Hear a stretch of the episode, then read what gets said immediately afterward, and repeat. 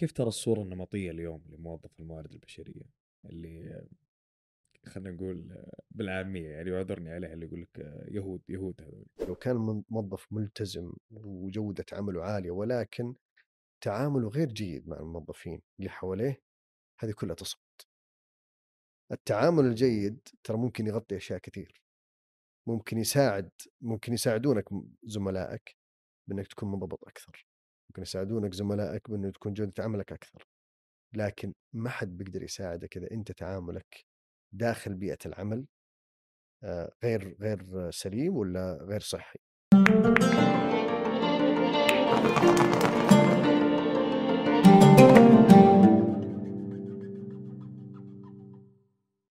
نشكر راعي الحلقة أولابز على رعايتهم للحلقة. إيش ما كان ذوقك بالقهوة بتلقى اللي يعجبك في أولابز. نترككم مع الحلقة مشاهدة ممتعة.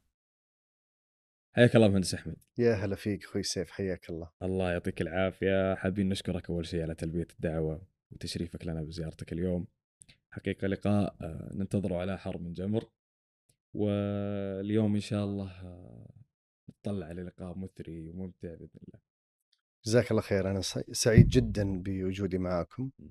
وبالفعل يعني هاللقاءات هي مثرية للجميع ومثرية لي أنا أيضا شخصيا تسوي لي reflection في كثير من الأشياء اللي مريت فيها في حياتي. حياك الله مهندس أحمد يا هلا.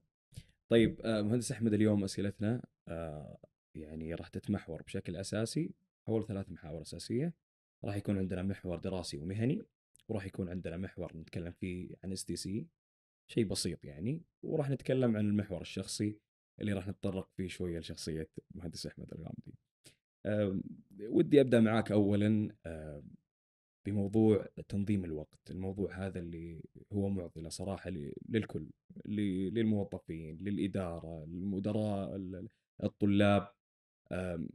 ويعني يهمني إني آخذ رأيك في الموضوع هذا خصوصا إنك آه، رئيس تنفيذي لوحدة الموارد البشريه في STC آه، رئيس مجلس إدارة كاتب في صحيفة. كيف تقدر توازن أو كيف تقدر تنظم وقتك وتوازن ما بين العمل وما بين المنزل؟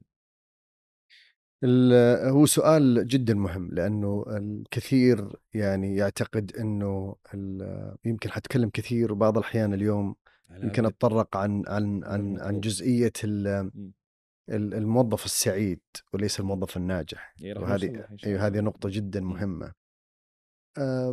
الموظف السعيد اللي هو إن شاء الله إنه يكون موظف ناجح. آه، آه، لابد إنه يكون يعرف يوازن ما بين الثلاثة أثلاث لحياته اللي هي آه، حياته العملية حياته الاجتماعية الأسرة البيت الأصدقاء الوالدين وحياته الشخصية. الناس تعتقد أو الزملاء والزميلات يعتقدون إنه الواحد كل ما صعد في السلم الوظيفي إنه لابد إنه يعطي شيء مقابل شيء ولكن أنا أعتقد إنه التوازن ما بين الثلاثة أشياء هذه هو جدا جدا مهم. آه، خلينا نبدأ بالجزء الأول اللي هو الجزء العمل وأكيد هذا شيء آه، يعني واضح وما يحتاج له يمكن شرح كثير ولكن المشكلة اللي دائما يقع فيها الكثير إنه يعطونا زيادة عن حق. لابد يكون في ليمت لابد الواحد يوقف بعض الأحيان ويعرف أنه إذا أنا بشتغل عدد ساعات طويلة ليش؟ هل والله أنا أشتغل ب... ب... بطريقة غير مناسبة؟ هل أنا أحتاج يمكن مساعدة أخرى من موظفين آخرين؟ آم... آم... لابد أن الواحد يراجع نفسه لأنه العمل زيادة عن اللزوم ليس بالضرورة أن هذا هو عمل جاد أو هو والله التزام ب... ب... بالعمل ولكن إذا زاد عن ثمانية تسعة عشر ساعات معناته في شيء غلط. الجزء الثاني اللي بركز عليه اللي هو الجزء أو الجانب الاجتماعي الجانب الأسري. آه، آه، وأبدأ بالوالدين. اللي والده ووالدته آه، على قيد الحياة. لابد إنه يهتم بهذا الجانب بشكل أساسي. وليش مهم هذا الجانب؟ اولا بعد توفيق الله سبحانه وتعالى وعملنا الجاد الجميع سواء كان طالب ولا موظف بسيط ولا حتى رئيس تنفيذي ولا حتى وزير. في دائرة اجتماعية هي سبب توفيقه بعد الله سبحانه وتعالى سواء كانوا من والدين سواء كان من آه، أخوان أو أخوات آه، سواء كان من أصدقاء طفولة سواء كان زوجة أو زوج. هذول يستحقون أنه يكون لهم جزء مهم جدا في حياتنا اليومية. ما بقول كل يوم يعني لو زاد العمل عشر ساعات بدل ما هي ثمانية ساعات ممكن تمشي يوم لكن اليوم الثاني لابد إنك ترجع أو اليوم اللي بعده لابد إنك ترجع وتعيد آه، تزيد مساحة الاهتمام بالجانب الاجتماعي. ال- البقاء على تواصل مع الأصدقاء مع ال- ال- الناس اللي تقابلهم في مؤتمرات في آه، في مكان العمل جينا كثير من ال- ال business cards لو تحاول تنظم وقتك وتعرف إنه والله لو أنا بجلس أو بق- بقابل واحد مرة في, في الأسبوعين أو ثلاثة أسابيع أو أسبوع أو شهر على حسب طاقتك بحيث إنك تجدد تواصلك مع المجتمع وتجدد تواصلك مع ال- ال- ال- الناس اللي أنت قابلتهم سواء كان بشكل احترافي أو غير احترافي. هذه يضيف لك كثير ويخليك تطلع من ال- ال- ال- الجو الروتيني ال- اليومي. آم، والأهم من ذلك هو أسرتك أسرتك القريبة آه، زوجتك آه، أولادك وبناتك يستحقون أنك أنت تكون قريب منهم وأنت تحتاجهم. آه، من أجمل لحظات ال- ال- الموظف اللي يعمل ساعات طويلة ويكون في ستريس قوي لما يرجع البيت ويشوف ابنه ولا بنته ويجلس مع زوجته هذا يعني كثير يريحك. الجانب ال- ال- الثالث وهو جدا جانب مهم والكثير يعني يجد صعوبة في إيجاد الوقت الكافي له هو الجانب الشخصي. لما نتكلم عن الجانب الشخصي زي ما أنت تعطي لعملك وتعطي لأسرتك أو المساحة الاجتماعية لها تعطيها وقت لابد أنك تعطي لنفسك الوقت الكافي. أقصد بذلك آه، الوقت اللي أنت تغذي صحتك العقلية والجسدية حتى تعيد تعيد خلينا نقول استيعاب طاقتك لأداء عملك وأيضا أداء مهامك الاجتماعية. آه، سواء كان ذلك عن طريق مثلا الرياضة وأنا دائما يعني أنصح إنه الواحد ما يبعد عن الرياضة لأن الرياضة قد ما تكون يمكن هي من اولويات الموظف الموظفه الموظفة في بداية آه، الحياة العملية. ولكن إذا تقدم آه، به السلم الوظيفي وتقدم به العمر هذه من الأشياء اللي تزيد من اللياقة المهنية. لما تكون أنت في صحتك مهتم بصحتك مهتم بجانبك البدني هذه في في الأخير هي تعود لك بفائدة في في الجانب ال- ال- ال- ال- العقلي. أيضا الاهتمام بالصحة. آه، الكشف الطبي الدائم تحاول إنك انك دائما تهتم بجوانبك الصحية لأنه إذا لم تهتم بجانبك الصحي أنت ما ودك توصل إلى مرحلة إنك تكتشف إنه والله في عندك أمراض عندك الستريس الدائم يسبب لك مثلا مشاكل صحية، الجلوس الطويل يسبب لك مشاكل جسدية، فلا بد الواحد دائما يشيك على صحته. وآخر شيء يبحث عن الشيء اللي يسويه اللي يريحه ويسعده ويبعده عن ال- الستريس. خليني أضرب أمثلة، أنا مثلا من الناس اللي بعد ما أخلص يومي العملي وأجلس مع عائلتي ولا أزور والدي ولا أقابل أحد الزملاء. آه، أرجع في في في مجالي الشخصي خلينا نقول مساحتي الشخصية. آه، وأسوي لي حاجة قبل ما أنام اللي تخليني بالفعل أسوي switch off أعرف أنام لأن أنا طول اليوم وأنا عقلي شغال سواء كان في العمل ولا يعني اهتمامات أسرية وما غيرها.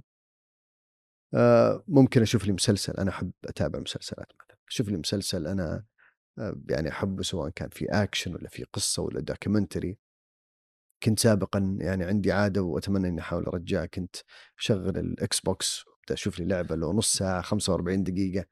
اللي أنا بالفعل أفك. بحيث إن- وأطلع على سريري وأنا بالفعل يعني سويت ال switch off هذا وابتعدت عن ال- ال- ال stress اللي كان آه، في اليوم.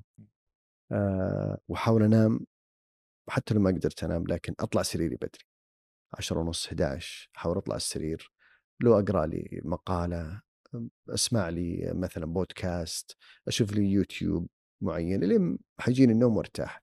الوقت الكافي للنوم مهم جدا. في كثير يقول من الناس يقول لك والله أنا أربع إلى خمس ساعات تكفيني.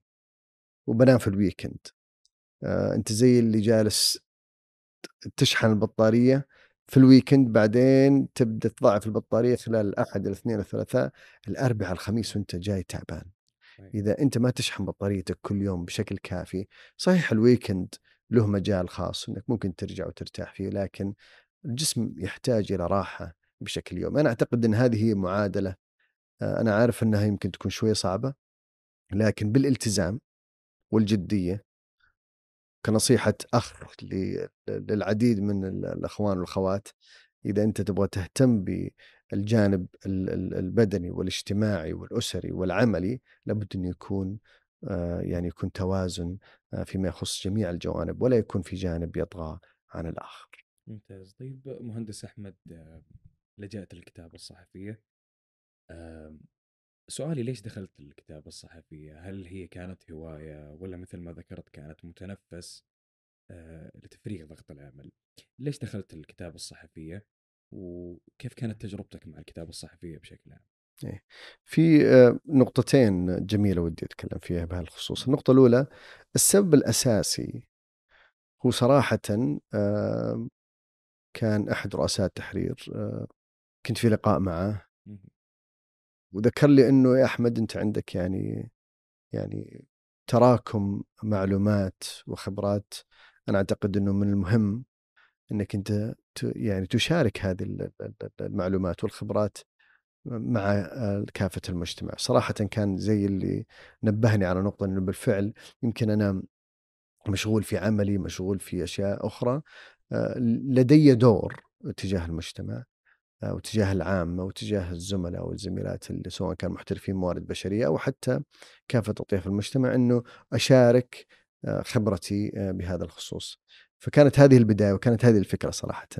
لم أطمح أنه أنا مثلا أصبح كاتب آه، ولا ولا ولا ولم أطمح إنه أنا أكون مثلا عندي تواجد إعلامي ولكن كانت الفكرة إنه عندي بعض الأفكار عندي بعض المعلومات اللي أنا ودي أشاركها للجميع بطريقة أو بأخرى. فكان هذا هو السبب الرئيسي وال أو أو الوحيد خلينا نقول لدخولي هذا المجال. كان مجال جدا ممتع. الكتابة شيء جميل لأنك أنت وأنت تكتب تبدأ بأول سطر وأنت في فكرة فإذا بك خلصت مقالين أو ثلاثة في في في آه، مجالات أخرى وأنت في آه، تتبحر من من من فكرة إلى أخرى. ف آه، الملاحظ إني أنا توقفت الفترة الماضية وهذا أعود إلى الإجابة لسؤال الأول. آه، وجدت أنه بالفعل آه، كان عندي بعض الأولويات وكان عندي بعض الأمور اللي كان لابد اني انظمها في حياتي، زاد على زاد عندي اللود في العمل. آه، ما كنت حاب أنه موضوع الكتابة ياخذ من مساحة أخرى أكثر أهمية يؤثر على آه، الإنتاجية يعني. فبالتالي فبالتالي صراحة آه، ارتأيت اني أنا أوقف الكتابة الآن مم. وقد أعود لها إن شاء الله في حال ما توازنت الأمور الحياتية بالنسبة لي. ممتاز ممتاز. طيب مهندس أحمد أنا ودي أروح مباشرة كذا على المحور الدراسي والمهني. وخلينا نتكلم عن التخصصات ابتداء من التخصصات. أنت الآن في شركة STC في مجال الاتصالات والتقنية. إيش أهم التخصصات اللي صارت الآن مطلوبة في مجال الاتصالات والتقنية اللي المفترض على حديث التخرج أو الراغب في العمل في هذا المجال إنه يركز عليه؟ ال- طبعا التخصصات التقنية بكافة مجالاتها وأفرعها آه، ما زالت مطلوبة وستبقى مطلوبة وأتوقع أن ستتفرع أيضا آه، آه، بشكل أكبر وبالذات مجال التطبيقات أو ال information system بكافة فروعه سواء كان الأمن السبراني سواء كان الآن الكلاود الحوسبة السحابية آه، وغيرها من ال- المجالات. أنا أعتقد إن هذه راح يتم ويبقى الطلب آه، عليها ليس فقط في مجال شركات الاتصالات ولكن في مجالات عدة. آه، المجالات الإدارية المجالات الإدارية تبقى دائما مطلوبة سواء كان المالية المحاسبة التسويق الموارد البشرية الإدارة العامة.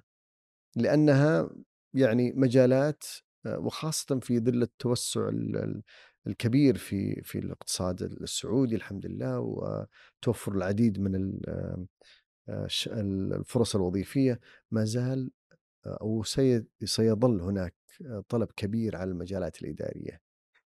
أضيف عليها مثلا بعض المجالات اللي أصبحت أشوف في عليها طلب أكثر من الفترة الماضية اللي هي مثلا مجال ال- القانون.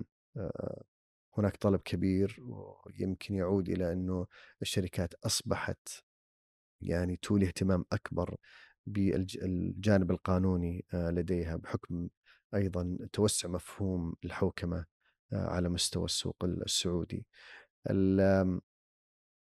لكن الأهم من هذا صراحة أخوي سيف قد الواحد يختار التخصص المناسب سواء كان هندسي إداري آه، أو حتى طب مثلا ال- اللي اللي راح يفرق معنا خلال الفترة القادمة هو الإلمام بالمهارات السلوكية للتخصص أو اللي يحتاجها التخصص وتحتاجها الوظيفة بشكل آه، أكبر أكثر من المهارات التقنية ونقصد بالتقنية ليست ال IT ولا التقني ولكن. المهارات اللازمة لي لأي تخصص كان. المهارات السلوكية أصبح عليها تركيز حتى إحنا في الموارد البشرية لما نسوي مقابلة شخصية ما حنسأل خلينا خلينا ناخذ سيف مهندس علوم طيران أنا ما راح أسألك آه، سؤال تقني فيما يخص آه، مثلا سرعة ال- ولا مم. زاوية الجناح إيه. حينما تعبر الطائرة من الغلاف الجوي مم. إلى آخره ولكن راح أسألك عن أشياء مثلا هل اشتغلت في عمل آه، جزئي أثناء دراستك في الجامعة آه، بركز على لغتك الإنجليزية بركز على آه، مهارات التواصل آه، وطريقة تواصلك مع الآخرين بركز على اهتماماتك طموحك هل أنت شخص انطوائي ولا أنت شخص outgoing فصار التركيز على هالمهارات السلوكية أكثر من ما هو المهارات المرتبطة بالوظيفة. وال- والسؤال بعض الأحيان نسأل أنفسنا ليش؟ لأنه بحكم الخبرات المتراكمة في الشركات والمنظمات. التغيير في المهارات السلوكية جدا صعب. من الصعب أن أنا أخذ واحد لا يملك المهارات اللازمة للتواصل وأغيره لأنه يكون متواصل بشكل فعال أو حيأخذ مني وقت. من الصعب أني أنا أخذ واحد مو متقبل أنه يدرس أربع خمس سنين في جامعة باللغة الإنجليزية ومع ذلك لغته الإنجليزية غير جيدة. فبالتالي من الواضح أنه لغته الإنجليزية ما راح تتطور بينما من مم. السهل أنه أنا أخذك يا سيف وأنت خريج تخصص علوم فضاء وأعطيك دورات في المالية وأعطيك دورات في التسويق ممكن تصير خبير تسويق مم. صحيح فبالتالي اكتساب المهارات المتعلقة بالوظيفة هو أسهل من اكتساب المهارات ال- ال- ال- التواصل والمهارات السلوكية الم- المطلوبة للوظائف فنصيحتي أنه اختيار التخصص المناسب وحنجي على شخصية جزئية ال- مم. الموظف السعيد مم. والموظف الناجح يمكن لها أيضا دور لها دور في اختيار التخصص ولكن النظر إلى المهارات السلوكية يعتبر هو أهم أو على قدر الأهمية من اختيار التخصص.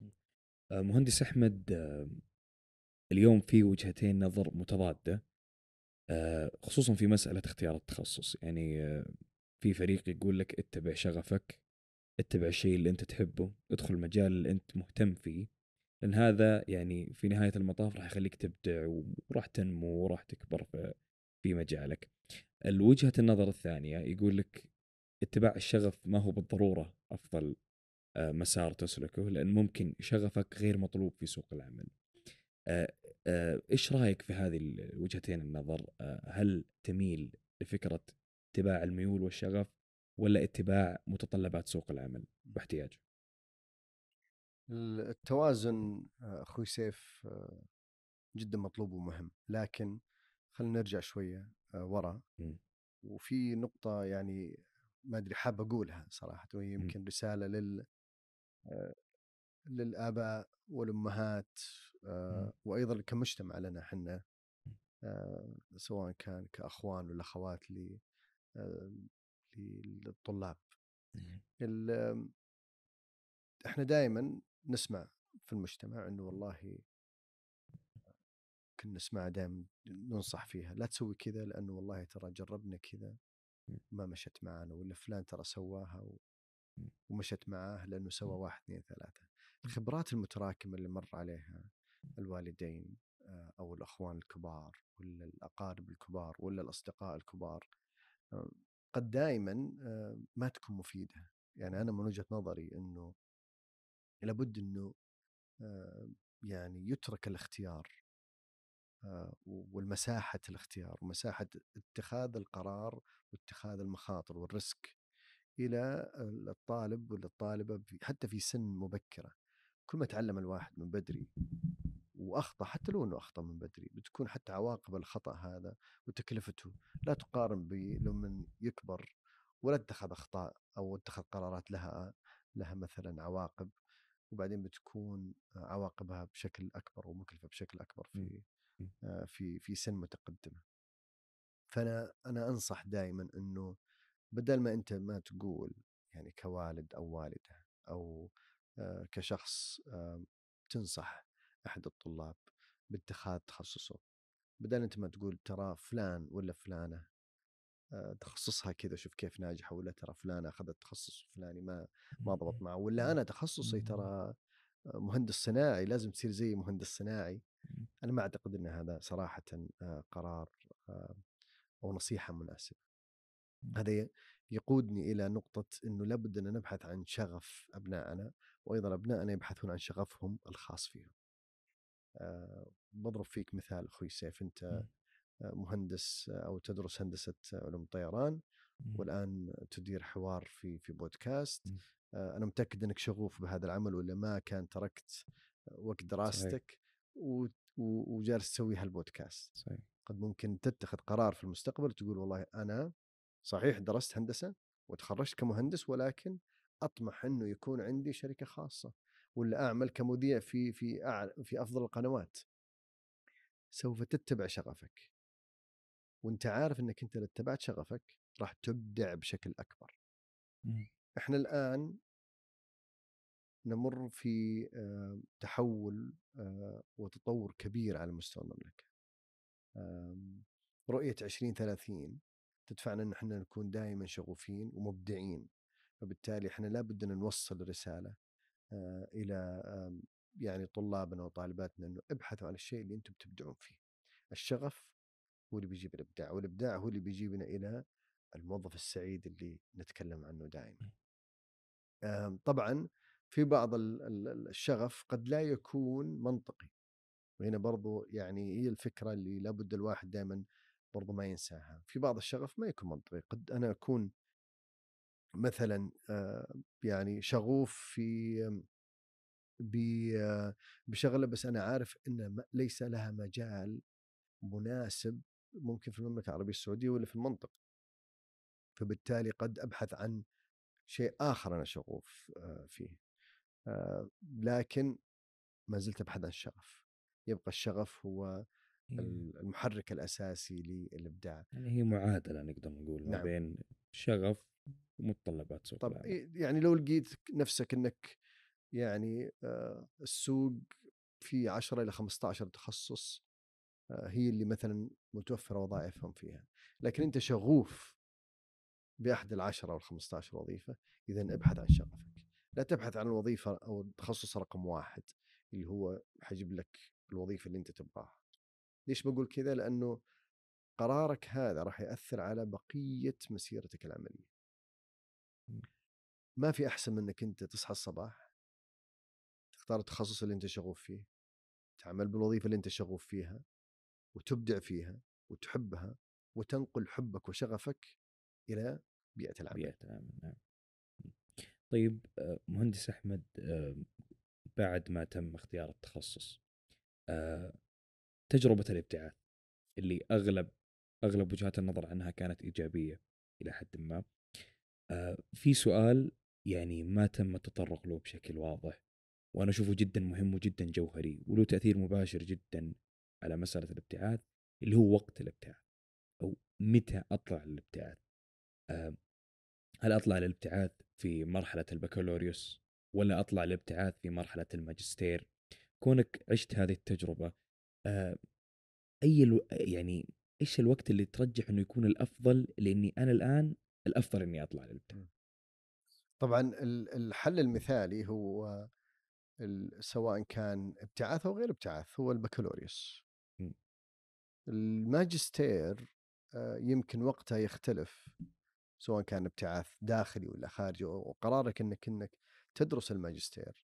أنا أفضل وأشوفها يعني يعني خلينا نقول أفضل سيناريو خلينا نحطها م. من بهالمنطلق أفضل م. سيناريو م. ممكن يحصل عليه الشخص إنه يخلص بكالوريوس يشتغل أثناء عمله يكمل ماجستير يحصل م. هذا أفضل سيناريو ممكن يحصل م. ليش بقول كذا لأنه واحد ما خسر وقته يعني تراكمت خبراته. ولم يخسر سنة إلى سنتين إنه ترك الوظيفة وراح كمل ماجستير اثنين الماجستير تحتاج إلى خبرة م. صحيح وأنت تدرس الماجستير في كثير من المشاريع في كثير من ال case studies اللي أنت تربطها بطريقه عملك فمن الأفضل يكون عندك خبرة م. وبتكون أفضل وأفضل لو أنك على رأس العمل لانك حترجع وتطبق بعض ال ال ال ال- النظريات ولا المشاريع هذه م. على رأس العمل. أنا محاكيك درستها ماجستير على رأس العمل وأعتبرها من أفضل الأشياء اللي سويتها في حياتي لأن بالفعل كنت بأخذ المادة بسوي مشروعي في عملي.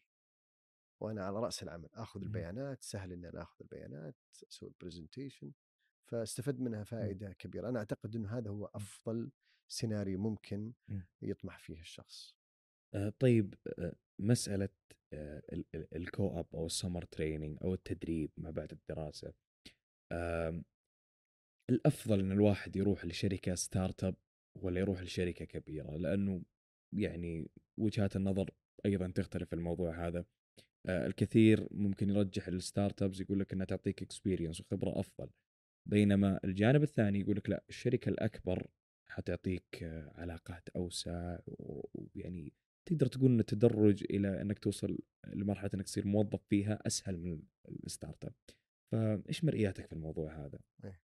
آه، سؤال جدا ممتاز لأن أيضا لا يوجد إجابة آه، صحيحة للسؤال هذا هي ما هي إجابة يعني واضحة يا كذا يا كذا. لكن اللي بيحددها هو ما هي رغبة ال- ال- الطالب نفسه. إذا كان هو يبحث عن آه، خبرة عمل في مكان خلينا نقول مؤسساتي يبغى خبرة عمل مؤسساتية. أنا أبحث عن مكان اللي بعرف كيف بالضبط يتم العمل بأفضل طريقة ممكنة م. ما هو تجربة. أروح الشركات الكبيرة أها. الشركات الكبيرة جربت م. وعرفت وحطت مثلا إجراء معين لطريقة العمل بعد تراكم خبرات فانت. حتيجي تتعلمه م. إذا أنت بتقول والله لا أنا أفضل إن أبغى أكون في مكان أتعلم أخطأ يمكن أسوي شيء جديد م. وأنا هذا اللي أنا أطمح فيه وأبغى أجرب بيئة ال startup لأن أنا ممكن أبغى أسوي my own business بعدين.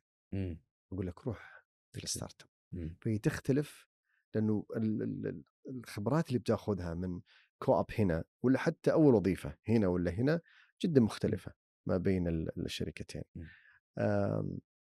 الأهم من هذا كله نرجع لموضوع الشغف أنت. وين شغفك؟ قد ممكن أنت يا سيف تروح تاخذ ال co-op في شركة إعلامية م. ما لها في تخصصك أي شيء وبالتالي لأنك تبحث عن شغفك لأنك تبغى تجرب هل أنا بالفعل هذا الشغف ومجرد وقتي وأنا طالب في الجامعة لما أروح أشتغل فيه هل هو بالفعل حيكون الشغف اللي بيستمر معي طول العمر ولا لا؟ في ناس كثيرة تاخذ مرحلة ال co-op إنها خليني أجرب، أنا أعرف إنه زي ما تفضلت م. أنا يعني قلبي باتجاه ال startup لكن عقلي يقول خلينا نروح شركات كبيرة. م. خليني أروح أشوف الشركات الكبيرة في ال co-op. إذا شفت إنه مضبوط ممكن أنا أعرف قراري م. لما أتخرج فهي قد تكون يعني فكرة حلوة الواحد يجرب لما يكون في حيرة في الأمر طيب مهندس أحمد معضلة ال- الخبرة هذه اللي إلى الآن ما في لها حل واضح. حديثي التخرج دائما العنصر اللي خلينا نقول أكثر عنصر يفتقرون له اللي هو عنصر الخبرة. الآن الشركات تتطلب قدر معين من الخبرة. المشكلة في حديث التخرج إنه ما حصل خلينا نقول على تجربة فعلية أو آه، ما يقدر إنه يوصل آه، يعني إلى متطلبات آه، آه، الشركات وسوق العمل إنه يقول لك آه، أبي لي مثلا سنتين أو ثلاث سنوات خبرة. كيف حديث التخرج ممكن إنه يحل مشكلة آه، الخبرة مم. إذا كان حديث تخرج وما عنده أي خبرة في المجال آه، لها آه، طريقتين أخوي سيف، الطريقة الأولى حديث التخرج عاده يفضل إنه ينضم أنا أفضل إنه ينضم للشركات اللي عندها برامج لحدث لحديثين التخرج. إنه كثير من الشركات بالذات الشركات الكبار عندها البرامج هذه لأنها تصنع للمستقبل،. فبالتالي متطلباتها أصلا إنك تكون ما عندك خبرة. فابحث عن الشركات اللي لها برامج STC واحدة منها والشركات الكبار. آه، كثير منها اللي عندهم هالبرنامج ويكملوا عليه. الشغلة الثانية إذا أنت حاط في بالك شركة تبغى تتوظف فيها شغوف بهال بمجال عملها. وعارف إنها ما توظف حديثين تخرج بدون خبرة ابحث عن الخبرة أثناء العمل أثناء الدراسة عفوا. إذا كان آه، ما في أحد بيجي وتقول له أنا بشتغل معاك مجانا بيقول لك لا. استثمر في نفسك. م. روح معاهم وقول أنا أبغى أشتغل معاكم عمل جزئي أربع ساعات في اليوم بدون راتب. مثلا أنا بعطيك أحد الأمثلة. م. لو اشتغلت مع شركة إكس سنتين وأنت طالب بدون راتب صار عندك سنتين خبرة. تقدر تحطها في السي في. وبالتالي لما جميل. تروح عندهم تقول أنا عند والله نحتاج سنتين خبرة تقول أنا عندي سنتين خبرة. م. ففي أكثر من طريقة إذا أنت بالفعل حاب إنك تشتغل في مكان معين ابدأ اشتغل عمل جزئي حتى لو ما كان بطريقة اللي ذكرت لك إياها مجانا ممكن تشوف لك م. عمل مقارب تشتغل زيه أو. شركة مقاربة لها شركة منافسة لها تقول بروح أشتغل في الشركة المنافسة م. حقتهم لأنه عملهم مقارب. م. لما تتخرج تروح توريهم السي في بيقول لك آه ترى هذا جاي من الشركة المنافسة. بالعكس ودي أوظفه لأنه عنده خبرة من الشركة المنافسة. في أكثر من تكنيك. طيب أم، هذا السؤال يعني آه، قد يكون حساس نوعا ما. آه، ودقيق جدا. المهارة والشهادة الآن وجهات النظر خصوصا من الإداريين تختلف جدا وفي شركات كبرى ومختلفة. إلى الآن تجد من المدراء ومسؤولي التوظيف اللي يفضل المهارة على الشهادة والعكس. إيش رأيك في الفكرة هذه بشكل عام؟ متى تكون المهارة أهم من الشهادة ومتى لا الشهادة تكون أهم؟ وكيف ممكن الواحد يتخذ سبيل التوظيف اللي هو يعني يميل له في ظل في في يعني في ظل التباين هذا اللي صاير في الموضوع ذا كلامك سليم أخوي سيف المهارات الآن أصبحت أكثر أهمية. من الشهادة لكن برجع بقول الشهادة هي كأنها جواز سفر ما تقدر تدخل دولة إلا بجواز سفر. صح ولا لا؟ فهي كأنك أنت حطيت أول متطلب في الحصول على وظيفة. فالشهادة يعني ما بقول إنها صارت يعني غير مهمة ولكن هي متطلب أساسي لكن القرار الأساسي بقبول الشخص أو اختيار الوظيفة ليس بالشهادة. الشهادة قد تكون هي فقط زي ما قلت لك الباسبورت. شهادة جامعية. بغض النظر عن التخصص،. طيران ولا آه، صناعية،. مالية ولا محاسبة، أبي شهادة آه، جامعية. بعدين نبي نشوف إيش المهارات. سواء كان سلوكية ولا مهارات آه، غير سلوكية. م. فبالفعل التوظيف وحتى لو ما قلناها في الموارد البشرية، التوظيف له فترة ترى مبني على السلوكيات والمهارات. أكثر من إنه على الشهادة. الحمد لله يعني إحنا ما نواجه المشكلة هذه في المملكة العربية السعودية لأنه حديثين التخرج كثير حمله الشهادات الحمد لله يعني آه، في وفرة.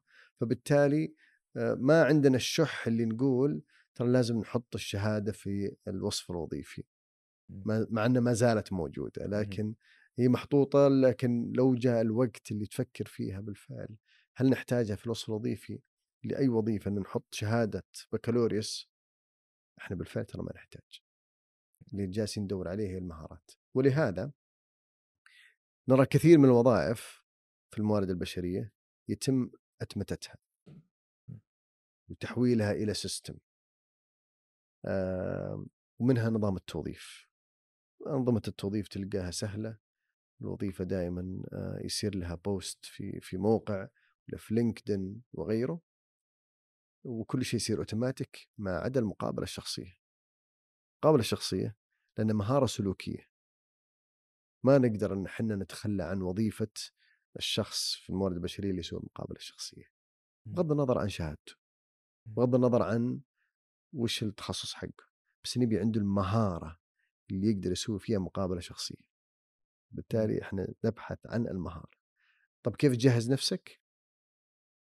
وأنا أعتقد إنه آه، يعني شبابنا وشاباتنا محظوظين حاليا ب يعني وفرة آه، وسائل التعليم والتطور اللي موجودة مقارنة ب بالجيل جيلنا إحنا خلينا نقول.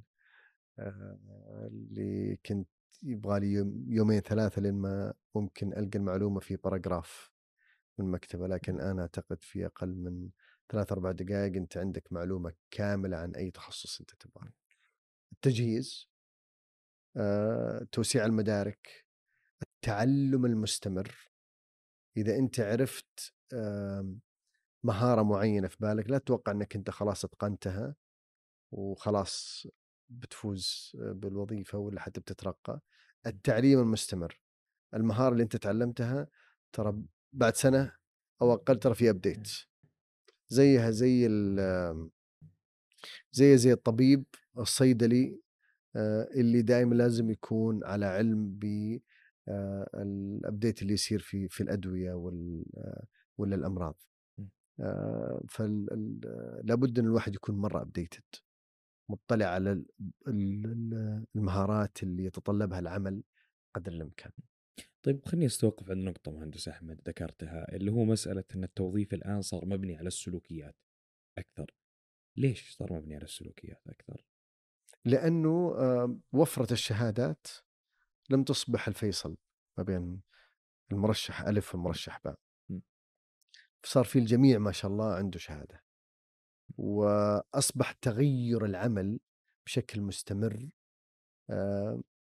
ما يكفي إنه أنت فقط يكون عندك شهادة. من السلوكيات اللي إحنا نبحث عنها وكنت في مؤتمر آه، قريب. ونتكلم عن السلوكيات المطلوبة في المستقبل. والكل أجمع من خبراء الموارد البشرية إنه السلوكية الأولى المهمة اللي هي الاجيلتي المرونة سواء كان مرونة في في التعلم المرونه في تغيير وسائل العمل نفسها لأنه أصبحت أساليب العمل متغيرة بشكل رهيب. فأنا خليني أضرب لك مثال في في STC لما أقول لك والله مهندس الشبكات يدرس هندسة حاسب الي. من أي جامعة سواء كان جامعة الملك فهد بترول المعادن أو جامعة آه، في أمريكا. في ال curriculum ترى ما بيعلمونهم وش ال 5G ولا ال 4G هذه أشياء متغيرة. طيب تخرج الموظف بعدين جاء 6G يقول له ارجع ادرس في الجامعة ثاني مرة. لا. هذه أشياء مت... متغيرة. لابد إنه يكون الموظف مرن وشغوف. نرجع للشغف.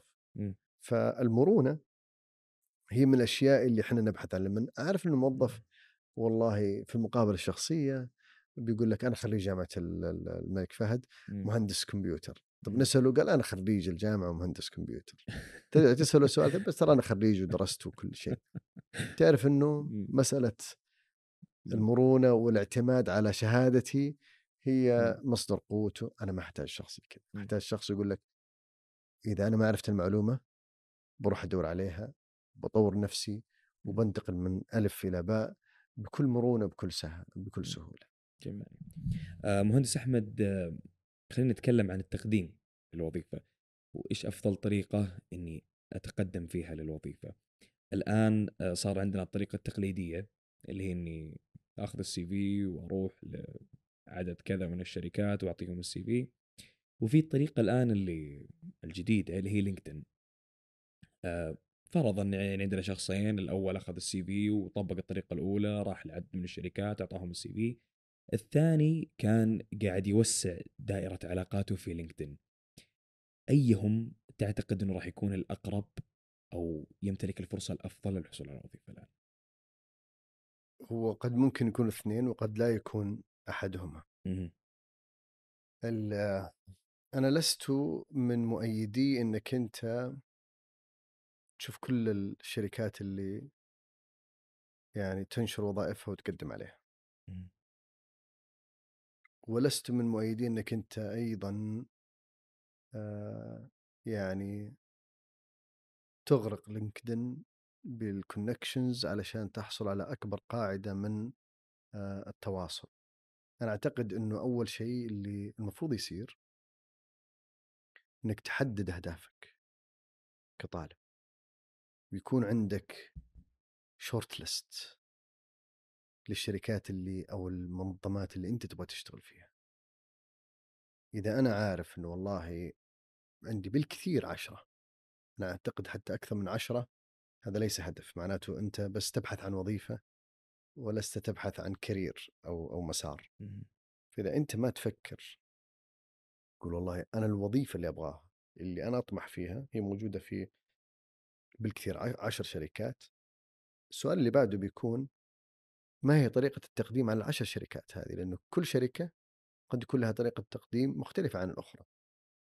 بضرب لك مثال.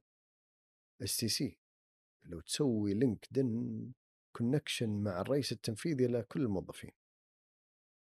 تقدم عن طريق الموقع. مم. تسوي screening وتاخذ التست تسوي لك مقابلة شخصية. بعدين نشوف. في شركة أخرى؟ لا. تكون مثلا لا والله أنا إذا أنا عرفت أقدر أتواصل مع أحد في الموارد البشرية ممكن أقدم نفسي بطريقة أخرى. أو عرفت من أخبارهم إنه والله متواجدين في يوم المهنه الفلاني في الجامعة الفلانية ليس بالضرورة في الجامعة اللي أنت فيها. فأروح هناك واقابلهم وأقدم نفسي بالطريقة اللي أعرف إنها بتناسبهم. مثلا مم. لابد انه يكون طالب ولا الطالبة ياخذ الموضوع هذا بجدية أكثر. ليش ياخذ الجدية أكثر؟ لأنه اولا ما شاء الله تبارك الله خريجين أصبحوا بعدد كبير الأيام هذه. المنافسه جدا عاليه. صحيح ال- الشطار والشاطرات ما شاء الله كثيرين. أصبحنا نشوف في الفترة الماضية نسبة الطالبات والطلاب اللي معدلاتهم عالية بشكل أكبر من السنين اللي قبلها. معناته في ما شاء الله جيل قادم مميز آه، ما بقول ان المعدل هو ال- الوسيلة الوحيدة لاختيار ال- الطالب ولكن هي أحد المؤشرات اللي نشوفها إحنا. صحيح. فبالتالي المنافسة جدا عالية. إذا لم تكن مميز في توصلك إلى الشركة اللي أنت تبغى تشتغل فيها أو المنظمة اللي تشتغل اللي تبغى تكون جزء منها بطريقتك الخاصة ولا بتكون ال application حقك زيه زي آلاف ال application اللي تستقبلها المنظمات؟ مم. فنبدأ في البداية بعيد. سوي لك short list ولا سوي لك short list ادرس الشركات اللي في ال short list كيف طريقة تقديمها؟ آه، اتبع الأنظمة واقرأ الأنظمة زين. أثناء التقديم ممكن يكون في شرط ما انتبهت له. قد تكون منطبقة عليك كل الشروط لكن أنت ما انتبهت للحاجه ولا قدمتها فبالتالي قد disqualified وتفوت عليك الفرصة. ولأن التنافس شديد ما راح بي- حد بيكلمك يقول لك يلا معليش بنمشي لك هذه مم. خليك شاطر صحيح. من البداية انتبه للشروط لأنه غلطة الشاطر بعشرة في اثناء التقديم فهذه وجهة نظري ليست ما هي على قولتهم one size fit all لازم يكون في بالفعل دراسة مستفيضة للشركات اللي حابب يقدم عليها طيب ذكرت مهندس أحمد يوم المهنة يوم المهنة ومعرض التوظيف آه، هل تعتقد إنها حقيقة ولا خيال؟ يعني آه، هل الشركات الآن صارت تستخدم هذه المعارض كوسيلة للتسويق لمنتجاتها أو. لنفسها ولا هي فعلا طرق يعني من احد الطرق اللي ممكن تتخذ لتوظيف الموظفين؟ أول شيء ترى الشركات تدفع فلوس. عشان تكون في يوم المهنة. ولو تبغى تسوق منتجاتها ترى بتاخذ الفلوس هذه بتروح تحطها في إعلان يطلع في التلفزيون يمكن أحسن لها. فالشركات والمنظمات اللي جاية ال- أيام المهنة هي جاية أنا أتوقع إذا ما كان الجميع فعلى الأقل الأغلب والأغلبية العظمى جاية لأنها عندها أهداف من أهم الأهداف إنه تكون حاضرة يكون في صورة ذهنية أمام الطلاب انه أنا موجود وجالس أوظف لأنه قد ممكن خلينا ما ما تكون في بالك السيسي يا أخوي سيف. لكن لما يجي يوم المهنة وتشوف البوث حقنا تقول لي صح والله السيسي توظف. م. تكلم معانا حتعرف إذا كان تخصصك ضمن التخصصات المطلوبة أو لا. آه ال booth في يوم المهنة ترى نعتبره هي أول مقابلة شخصية بعض الأحيان. لكن لانك أنت لما تجي سواء كان قدمت سيرتك الذاتية بشكل manual ولا قدمت عن طريق الموقع لكن إحنا بناخذ بعض الأحيان بعض التفاصيل. والله عجبتني يوم جيت. كان سلوكياتك ومظهرك وإجابتك للأسئلة عجبتني. فبالتالي ممكن آخذ note على اسمك. لما أرجع إن شاء الله المكتب أشوف الداتابيس بطلعك وأدخلك مقابلة شخصية. هي بالفعل ترى جدا جدا مهمة. ولكن اللي أنا صاير ألاحظه إنه وهذا الصحيح إنه لما يصير في يوم مهنة في جامعة الملك فهد أصبح يجونا طلاب من الجامعات الأخرى وهذا الشيء الصحيح. يوم المهنة هو ليس لجامعة معينة صحيح. هو يوم المهنة لكافة الخريجين. الوهج ليوم المهنة أصبح أقل بحكم إنه أصبحت هناك طرق أخرى لإعلان الوظائف والتقديم على الوظائف ولكن ما زلت أشوف إنه إنها وسيلة مهمة للتواصل ال- ال- ال- الحقيقي مع جهات المتقدمين. نعم. طيب آه، خلينا نطلع كذا من ما قبل الوظيفة وخلينا نروح ما بعد الوظيفة آه، من أبرز الأشياء اللي ممكن تواجه الموظفين أو ممكن يتساءل عنها آه، اللي على رأس الوظيفة أو المقبل على الوظيفة اللي هو مسألة الاحتراق الوظيفي. آه، إيش هو الاحتراق الوظيفي؟ إيش أهم المفاهيم المغلوطة عنه؟ ومتى أعرف أنه أنا خلاص وصلت الآن لمرحلة احتراق وظيفي أنا لازم أتخذ إجراء معين عشان أوقف الموضوع الاحتراق الوظيفي ال burn out ظاهرة أصبحنا نسمع عنها كثير الثلاث أربع سنين الماضية. آه، انتشرت أكثر بعد جائحة كورونا والسبب إنه أتوقع إنه أثناء الجائحة ما كان عندنا أي شيء إلا الشغل. فكنا 24 ساعة اونلاين آه، لما يطلبك مديرك في اجتماع ما تقدر تقول والله معليش أنا رايح مشوار ولا عندي م. زيارة ما ما عندك عذر م. أنت جالس في البيت افتح اللابتوب وادخل أونلاين الاجتماع م. آه، سببت burn out لأنه معظم الم- ال- ال- ال- المنظمات بعد الكورونا استمرت على هذا الوضع شوي وكانت شوية physical كانت صعبة طب وش مظاهرها؟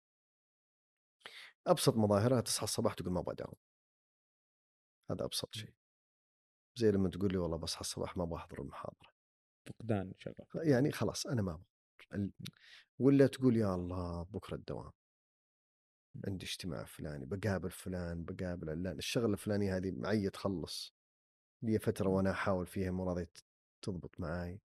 يبدأ يصير الواحد يشيل هم روحته للدوام. هذا أول يعني مظهر. مظاهر. المظهر الثاني تلقى تشوف انخفاض في آه، تقييم ومستوى الموظف. السنة الماضية كان تقييمه ممتاز السنة اللي بعدها يعني صار أضعف السنة هذه أضعف بعدين بديت تشوف من مظاهر والله الحضور المتأخر يمشي بدري آه، استئذان آه، بياخذ إجازات متفرقة ما ياخذ إجازة أسبوعين ثلاثة لا تلقاه ياخذ الخميس ربع خميس أحد طفشان.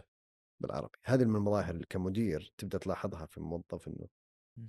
إيه شكله قرب من الاحتراق الوظيفي. م. طيب كيف نعالجه؟ آم، أول شيء أنت كموظف لازم تتكلم تقول أنا بديت أعاني من الاحتراق الوظيفي. ما تخليها في خاطرك ولا في خاطرك. وفجأة كذا اللي أنت مستقيل. أو متجه إلى مكان آخر ولا بدأ مستواك ينحدر. تكلم. قول أنا اعاني وهذه مظاهر ال- الاحتراق الوظيفي اللي نمر فيها و... وتكلم فيها مع مديرك أو مع الموارد البشرية. إحنا في الموارد البشرية ممكن إحنا نساعد بأن ندفع الموظفين يأخذون إجازات يتكلم مع الإدارات ممكن يكون في نقص عمالة نقص موظفين فبالتالي أصبح العدد القليل من الموظفين هذول يشتغلوا ساعات عمل طويلة فبالتالي تؤدي إلى burn out ممكن يكون مسؤوليات غير متوازنة أو متكافئة مع طبيعة العمل. يمكن يكون آه، تصميم العمل بطريقة أو بأخرى غير متكافئ. في ناس عندها عمل زيادة عن الناس الموظفين آخرين فبالتالي في ناس تشتغل أكثر. لابد إن إحنا نوزع الجهد فيما بينهم. الموظف زي لاعب الكورة. لازم يوزع جهده ما بين الشوطين. ولازم برضو يبقي كمان شوية جهد لو كان في أشواط إضافية وإلا ممكن يصل أشواط إضافية وهو تعبان. فإذا ما كان هناك توزيع جهود سنة طويلة فيها أرباع فيها أسابيع فيها أيام آه، إذا ما توزع جهدك بالفعل بين الأيام بين الأسابيع والشهور وأرباع السنة وطوال السنة ولا ممكن تفقد شغفك وتصاب بالبرن أوت فهي علاقة ما بين الموظف وما بين الإدارة وأيضا إدارة الموارد البشرية لوضع حلول له طيب في بعض الأحيان آه، يتطلب على الموظف أنه يغير بيئته. يصير الموضوع حتمي أو خلينا نقول يوصل مرحلة اللي تسمى بالنضج الوظيفي. متى أعرف أني وصلت لمرحلة أني خلاص الآن أنا لازم أغير آه، مكان أو بيئة عملي أو أروح لمكان ثاني؟ متى أوصل لمرحلة النضج الوظيفي هذه؟ آه، في شغلة مرة مهمة قبل ما إحنا نتكلم عن النضج الوظيفي ومن واقع خبرة وأجدها في كثير من الموظفين آه، في مجتمعنا إحنا إحنا بنسميه باللغة الإنجليزية اللي هي lack of self awareness ما فيه نضج آه، بنفسي أو داخلي اللي أنا أقدر أسويه واللي ما أقدر أسويه. كثير من الموظفين بيجي يقول لك ترى أنا ممتاز وأستطيع أسوي كذا وأفعل كذا. ولما نواجهه بالحقيقة إنه أنت ما تستطيع ولا ترى أدائك غير آه، آه، غير ممتاز ولا غير جيد يقول لك أنا لازم أغير. أنا لابد إن أنا أنتقل. أغير مكان عملي ولا مكان وظيفتي ولا مكان ولا حتى الشركة. إذا لم يكن الموظف ولا الموظفه عندها ال self awareness جدا عالي. كيف أنا يكون عندي self awareness عالي؟ أطلب فيدباك دائم. كل ما جت فترة أجلس مع مدير أقول له أبغى فيدباك. اللي سويته صح ولا غلط؟ آه، أقارن نفسي باللي حوالي. وما أقارن نفسي بالناس اللي مش كويسة. أقارن نفسي بالناس الممتازين. ولا أقارن نفسي بشخص ما هو في نفس المجال والبيئة. في الكثير من بعضهم يقول لك والله أنا لازم أغير لأني شفت فلان ترقى مرتين في سنتين. ترى فلان في إدارة فيها شح موظفين وفي فرص وظيفية. تبغى تروح انتقل هناك حتلقى نفس الإضافة نفس الفرص. لكن لا تقارن نفسك بأي شيء لأن هذا يسبب أيضا يعني عدم رضا ترى داخل الموظف. الموظف إذا ما عرف نفسه زين وعرف مشاكله وصار self-aware بعدها ممكن نتكلم عن النضج بعدها ممكن نتكلم إيش بالضبط ال career path حقك. من م... لما أنا أكون self-aware بشكل عالي وأعرف بالضبط وش الأشياء اللي كويس فيها وش الأشياء اللي مو كويس فيها واللي أنا أحتاج فيها تطوير. وحسيت إني أنا اشتغلت على الأشياء اللي أبغى لها تطوير ومقارنة باللي معاي أنا أدائي جدا ممتاز. آه ما في فرص للترقي أو أرى انه والله فرص الترقي اللي أنا ألقاها في المكان اللي أنا فيه محدودة مقارنة في مكان آخر إذا هذا هو وقت الانتقال. هذا سبب. السبب الآخر المدير. قد يكون المدير هو السبب. وإحنا دائما نسمع المقولة المشهورة الناس تترك المدير ما تترك الشركة. فإذا لم يكن المدير متعاون ولا قدر إنه يساعد الموظف ولا الموظفة إنهم يبحثوا عن أنفسهم داخل بيئة العمل الموظف نفسه لابد يتخذ القرار إنه بتغيير المدير ليس بالضرورة تغيير المكان ولكن تغيير المدير بالبحث عن عن فرص أخرى. آخر شيء يرجعوا للموارد البشرية، خذ راينا. هذا دورنا إحنا في في شركات إن إحنا نعطيكم النصيحة إذا كان في طريقة إن إحنا نغير المدير، إذا كانت المشكلة في المدير يعني ما نقصد نغيره يعني نشيله ولكن نساعد بتغيير نفسه. أو نشوف لك المكان المناسب داخل الشركة أو المنظمه وبعض الاحيان ننصح الموظف نقول له اترك المنظمة. لا روح غير جو. أنت خلاص انحرقت في المكان اللي أنت فيه تحتاج إلى تغيير المكان وتحتاج إلى تجرب شيء جديد. أه أنت شخصيا انتقلت مهندس أحمد ما بين عدة شركات ميرسر صافي و STC على اي أساس بنيت قرارك؟ هل بنيته بناء على هذا المبدأ أو كان في أسباب ثانية؟ خلتك يعني تغير من بيئة عمل؟ كل انتقال كان له سبب صراحة. م. ما في سبب واحد زي الثاني. يعني أنا كنت في صفوه انتقلت ل لناس عشان أبغى أشتغل في الموارد البشري ما كنت أشتغل في الموارد البشري أها. انتقلت من ناس آه، إلى الصافي لأنه مدير انتقل من ناس إلى الصافي وأنا كنت أحب أشتغل معه رحت معه انتقلت من نا- من الصافي إلى ال- لزردي آه، لأن كانت فرصة ترقية كانت كبيره وظيفة أكبر آه، وعمل أفضل وراتب أفضل. انتقلت من لزردي إلى شركة نبكو لأن كانت startup كنت أبغى أشتغل في startup أسوي HR في ال startup أبني ال HR من الصفر كانت بالنسبة لي خبرة. انتقلت من نبكو إلى ميرسر كنت أبغى أصير مستشار. أبغى أرجع معليش خطوات ورا يمكن هذه من أهم الخطوات في حياتي. بس أبغى أروح أشوف المطبخ. وش جالسين يسوون دول في الموارد البشرية؟ أنا كنت أطبق الموارد البشرية. بس كنت أبغى أتعلم وشلون أصمم الموارد البشرية. كنت أطبق سلم رواتب. بس شلون يصممون سلم الرواتب؟ فانتقلت إلى ميرسر. انتقلت من ميرسر إلى STC لأن جاتني فرصة أفضل في منصب أفضل.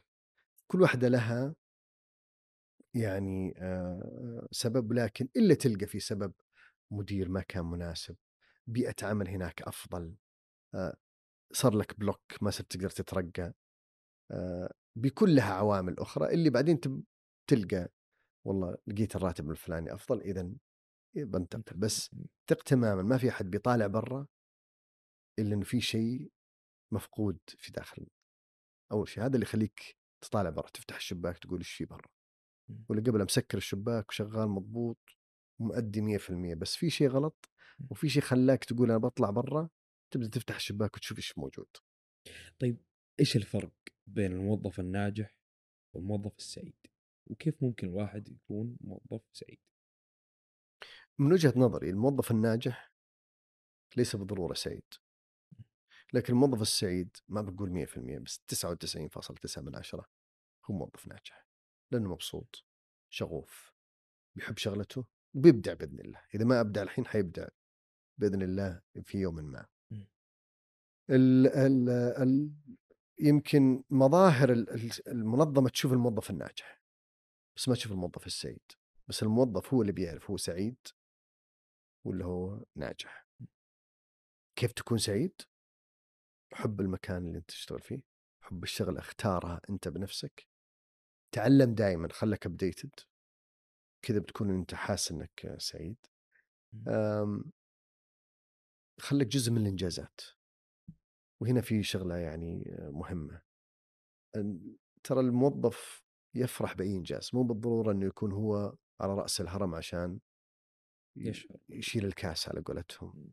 يقول لك أنا ترى كالمثال آه، اللي دائما أحبه ال- في آه، في الفورمولا إحنا ما نعرف إلا السواق اللي بيسوق السيارة الفورمولا لكن ترى سبب نجاح السواق هذا ولا السائق ترى ممكن يكون من الشخص اللي يغير الكفر في عشر ثواني هذا شخص شغوف إيه. سعيد مم. وناجح ممكن حطم الرقم القياسي يوم ما يخلصه في عشر ثواني يغير الكفر في تسع ثواني ونص بيرجع البيت يحتفل مع أهله.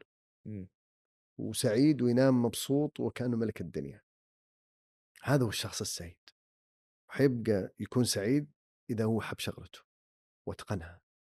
آه، الشخص ال- الناجح لله ليس سعيدا. آه، راح ممكن ينجح اليوم بكرة بس حيوصل مرحلة بيطفش يبدأ ال burnout يبدأ الاحتراق يبدأ الملل يبدأ أنه هذا كمان يأثر على حتى موظفينه بيأثر على بيته بيأثر على أصدقائه بيأثر على صحته بيأثر على نفسيته. آه، فأنا دائما آه، وأحب أسأل ال- ال- الناس الناجحة. لأن أنا ما إلا هو إلا الشخص الناجح بس أنا ما أعرف هل هو سعيد ولا لا. ولما نسأل كثير ألقاه في قرارة نفسه ولا قرارة نفسها سعيدة ولا سعيد. لأنه بالفعل حاب الشغلة اللي هو يسويها ولو تسأله طب لو رجعتك عشر سنين تتخذ قرار ثاني يقول لك لا أبى أشتغل الشغلة هذه أنا أنا أنا أحب الموارد البشرية شغوف فيها لو ترجعني اليوم لاتخذت القرار إني أنا أسيب الهندسة الصناعية والعمل في مجال الهندسة الصناعية وأشتغل HR تقول لك هل هل هل حتتخذ نفس القرار؟ أقول لك نعم. هل بتختار تخصص غير الهندسة الصناعيه؟ أقول لك لا حختار نفس التخصص، أنا حبيت التخصص وحاب طريقة عملي. فبالتالي هذا هو الشغف والسعادة اللي تخلي الواحد دائما مبسوط ويعطي أكثر ويبدع صحيح لاحظنا كثير من أصحاب المناصب العالية الناجحين اللي يعني واصلين مناصب قيادية خلينا نقول في بعض الجهات أو الشركات تشعر أنه ما هو مرتاح. يعني بالرغم من النجاح اللي هو واصل له تلقاه دائما يتشتت ما بين الشركات آه، يحاول أنه يغير مساره بطريقة أو بأخرى. فهل تعتقد أنه السبب هو السعادة دائما؟ أه بقول السبب الرئيسي. لأنه في متغيرات كثيرة. يعني من أصعب الوظائف اللي ممكن تتصورها أنت إن هي رئيس المنظمة. رأس الهرم يتعامل مع دائرة كاملة من التعقيدات سواء كان إذا في شركة رئيس مجلس إدارة الملاك المساهمين الموظفين المرؤوسين دائرة دائما تكون أكثر تعقيدا من الموظف العادي. فممكن يكون سعيد وشغوف ولكن المنظومة وال ecosystem ما, ما يساعده. سواء كان مجلس اداره ما يساعده المساهمين ما ساعدوه الملاك ما ساعدوه ولا تجي crisis زي كورونا اللي ما تقدر تخليه يؤدي لأنه الشخص الشغوف السعيد يعني يبغى يشوف إنجازات يبغى يحتفل بإنجازات.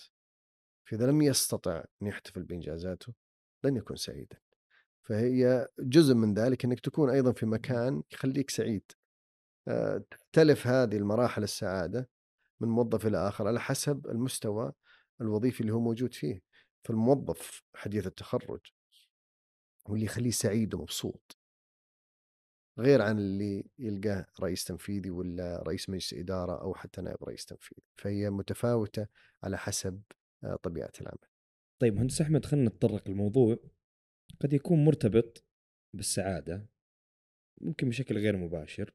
اللي هو إقبال خلينا نقول الناس أو الموظفين بشكل عام على القطاع الخاص أكثر من القطاع الحكومي هل هذه دلالة أن القطاع الخاص أفضل في العمل من القطاع الحكومي وش يعني تعتقد أبرز الأسباب اللي تخلي الناس تميل للقطاع الخاص أكثر من القطاع الحكومي؟ خليني أفاجئك أخوي سيف أنه أصبحت آه، المنافسة على المواهب آه، شديدة ما بين القطاع الخاص والقطاع العام. ونرجع لي أيضا موضوع الشغف. آه، بعد رؤية المملكة 2030 أصبح هناك صراحة شغف لكثير وبالذات لحديثين التخرج إنهم يعملون في في بيئة هدفها واضح أو خلينا نسميه إحنا sense of purpose يبغى يكون له دور وبصمة في المجتمع آه، بشكل أكبر وعلى مستوى الدولة. في الكثير من المواهب بدأت تنتقل سواء كان حديثين تخرجوا حتى من القطاع الخاص ينتقلون إلى آه، تقلد مناصب في الحكومة وهذا كان شيء جدا آه، صحي لأنه بالفعل انتقلت خبرات جيدة من القطاع الخاص إلى القطاع الحكومي. في نفس الوقت هناك أصبحت أيضا فرص تتوفر لموظفين وموظفات من القطاع الحكومي ينتقلون إلى القطاع الخاص. أصبحت أصبح الانتقال أنا أعتقد يعني بعد فترة جذب ومد ما بين القطاعين خلال الثلاث أربع سنوات الماضية أصبحت العلاقة الآن أكثر صحية. القطاعين سواء كان الخاص ولا العام صار مهتم إنه يوفر بيئة مناسبة يهتم بموظفينه. أصبح هناك يعني حديث كبير على ما يسمى السعادة المهنية. من القطاعين الخاص والعام أنا أذكر منصب إدارة السعادة المهنية أول ما طلع في السعودية كان في وزارة. ما كان ترى في شركة. في احدى الوزارات هي اللي أطلقت المنصب هذا. بعدين القطاع الخاص بدأ يلتفت إلى أي. موضوع السعادة المهنية. ف ال ال ال الأسباب واضحة. الناس تبغى تشتغل في القطاع ال- ال- الخاص ال- القطاع الحكومي لأنه بالفعل ودهم يكونوا جزء من هذا التحول. القطاع الخاص في أكثر مرونة خبرة لكن الكلام الجديد اللي حصل هو الفلو اللي حاصل ما بين القطاعين. آه، طيب مهندس أحمد آه، ممكن في وجهتين نظر آه، سببت في إنه يصير في صورة نمطية عند الناس؟ وتخليهم آه، يفضلوا قطاع عن قطاع آخر واللي هو مسألة الأمان الوظيفي. قد يحاجج البعض أن القطاع ال- الحكومي فيه أمان وظيفي عالي أكثر من القطاع الخاص. كيف ترد على اللي اللي يعني يقول أن القطاع الخاص ما فيه أمان وظيفي وأنه ممكن تفقد وظيفتك في أي لحظة. السؤال جدا ممتاز أخوي سيف تعريف الأمان الوظيفي إنك أنت تملك كل الأدوات اللي تخليك تبدع وبالتالي يكون دائما مستواك ممتاز وبالتالي أمانك الوظيفي هو بيدك. مسألة إنه هذه الشركة ولا هذا المكان ما في أمان وظيفي هو لا يعود على الشركة بقدر ما هو يعود على الموظف نفسه م. حيث إنه يكون دائما آه، على قدر المسؤولية وقدر ال- ال- المطلوب منه من ناحية آه، مهام وظيفية وبالتالي هو يملك امانه الوظيفي. الشخص الموظف ال- عفوا الشخص المميز الموظف المميز اللي دائما أداؤه ممتاز. مستحيل إن الشركة تتخلى عنه إلا إذا مرت. الشركة أو المنظمة ب آه، مثلا بمشكله كبيرة اضطرت إنها تقلص تكاليف اضطرت إنها تسرح موظفين هذا هو السبب الوحيد اللي يفرق ما بين القطاع الحكومي والقطاع الخاص إنه القطاع الحكومي العاده ما يسرح موظفين أو لا يسرح موظف إلا إذا كان هناك يعني سبب شرعي. لكن القطاع الخاص يصل إلى ال- السبب هذا في حال اضطرت المنظمة إلى أنها تقلص تكاليفها. وحتى لما تصل إلى تقليص التكاليف تذهب إلى قائمة الموظفين الغير مفيدين ولا الغير منتجين. فبالتالي هذول يملكون أمانهم الوظيفي بيدهم وبانفسهم لأنه إذا لم تكن منتج فبالتالي أنت عرضة صحيح. إلى استبدالك ليس فقط حتى لما تكون الشركة ولا المنظمة تمر ب- ب- بمشكلة. قد خلينا يعني ما نتكلم على المشاكل المالية ولا حاجة الشركات بعض الأحيان إلى تقليص التكاليف ولكن خلينا ناخذ مثال الاتمته موظف يقوم بعمل وأصبح هناك نظام بديل هو الذي يقوم بنفس العمل. وقررت الشركة الاستغناء عن الموظف والموظف بيقول لك يا أخي الشركة ما في أمان ما وظيفي في يا أخي أنت تملك أمانك الوظيفي بنفسك لماذا لم تطور نفسك؟ لماذا لم تتعلم؟ لماذا لم نرجع لكلمة update سويت لك update وتعلمت إنه والله في وظيفة أخرى ما تحتاج أتمتة أتعلمها وأنتقل إليها. يبقى الموظف لمدة 20 سنة ويقول لك يعمل على نفس الشغلة يقول لك أنا عندي خبرة متراكم أو متكررة لمدة 20 سنة وما زال يبحث عن الأمان الوظيفي، أنت تخسر أمانك الوظيفي إذا لم تكن خبرتك متراكمة وليست متكررة وتبحث دائما على تطوير نفسك. هذا الفرق ما بين القطاعين فيما يخص الأمان الوظيفي. يعني بطريقة أو بأخرى الموظف يسعى إنه يصعب على الجهة اللي هو شغال فيها إنها تسرحه بالضبط يعني لا يوجد منظمة لديها موظف مجتهد وممتاز وتسعى لتسريحه. م. بالعكس الا تسعى ترقيه، تستبقيه، تزيد راتبه، تدربه، تطوره. صحيح. آه وهذه هي ال- ال- اللغة الجديدة اللي لابد إن الموظف يحاول إنه يطور نفسه ويغير نفسه حتى يملك أمان وظيفي بنفسه.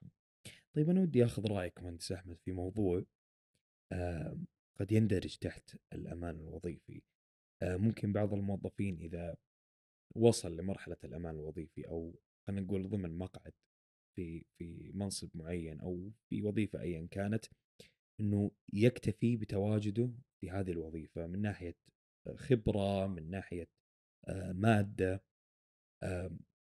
ال- ال- الأغلب يفضل آه، إنه يقعد في هذا المكان آه، يتقيد بخبرة معينة بمرتب معين بدخل معين.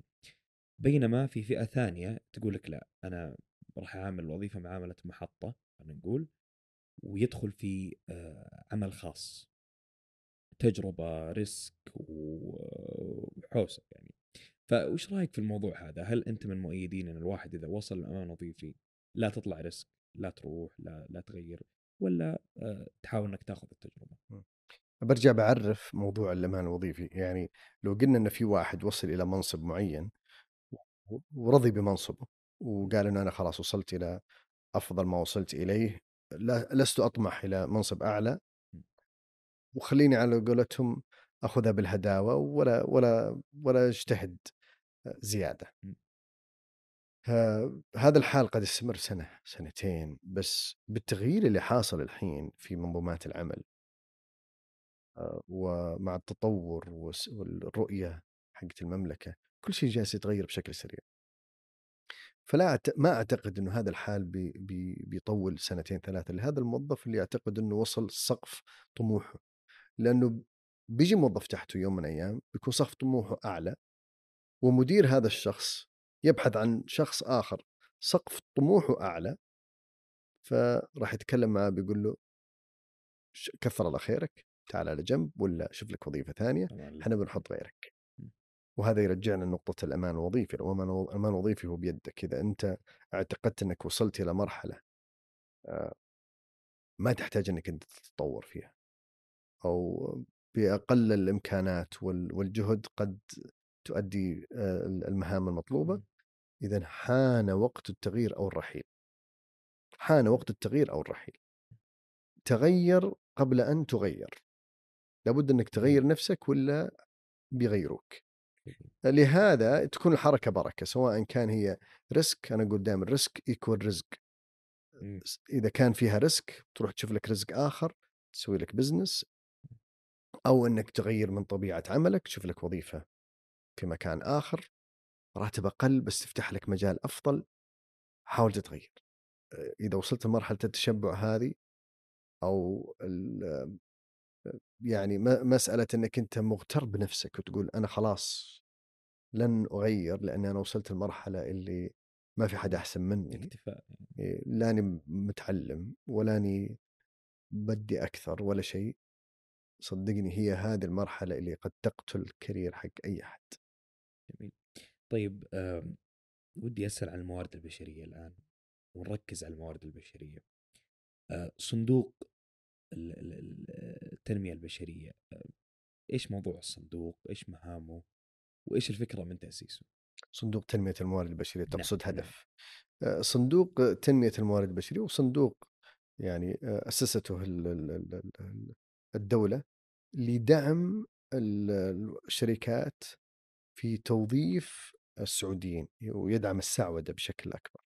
آه، وبالذات في الشركات الصغيرة والمتوسطة بعض الشركات الكبيرة اللي تواجه صعوبة في توظيف السعوديين وخاصة في إذا كان رواتبهم يعني تكون شوية عالية فبالتالي تؤثر على آه، الموارد المالية للشركات فيقوم الصندوق بدعم الشركات هذه بطريقة أو بأخرى في عدة برامج في آه، يعني طرق لهذا الدعم سواء كان بالتدريب المنتهي للتوظيف أو التوظيف أو التوظيف المؤقت. هذا ساعد كثير على سعودة كثير من الوظائف. موضوع الصندوق ترى قديم وليس جديد وتطور من من يمكن أكثر من 15 سنة. وأعتقد أنه وصلنا الآن إلى مرحلة مرة جيدة. الفكرة الحالية للصندوق تدعم كثير من توجهات الدولة تدعم كثير من توجهات السعودة اللي تقوم بها وزارة الموارد البشرية. وزارة الموارد البشرية تطلق كثير من الحملات لسعودة بعض الوظائف ويقوم الصندوق في نفس الوقت بمساعدة هذه الشركات لسعودة هذه الوظائف بطريقة آه، جدا صراحة سهلة ومميزة وميسرة جدا. جميل. مهندس أحمد كيف ترى الصورة النمطية اليوم لموظف الموارد البشرية؟ اللي خلينا نقول بالعامية يعني وأعذرني عليها اللي يقول لك يهود يهود هذول. إيش رأيك في الصورة النمطية هذه وليش تشكلت؟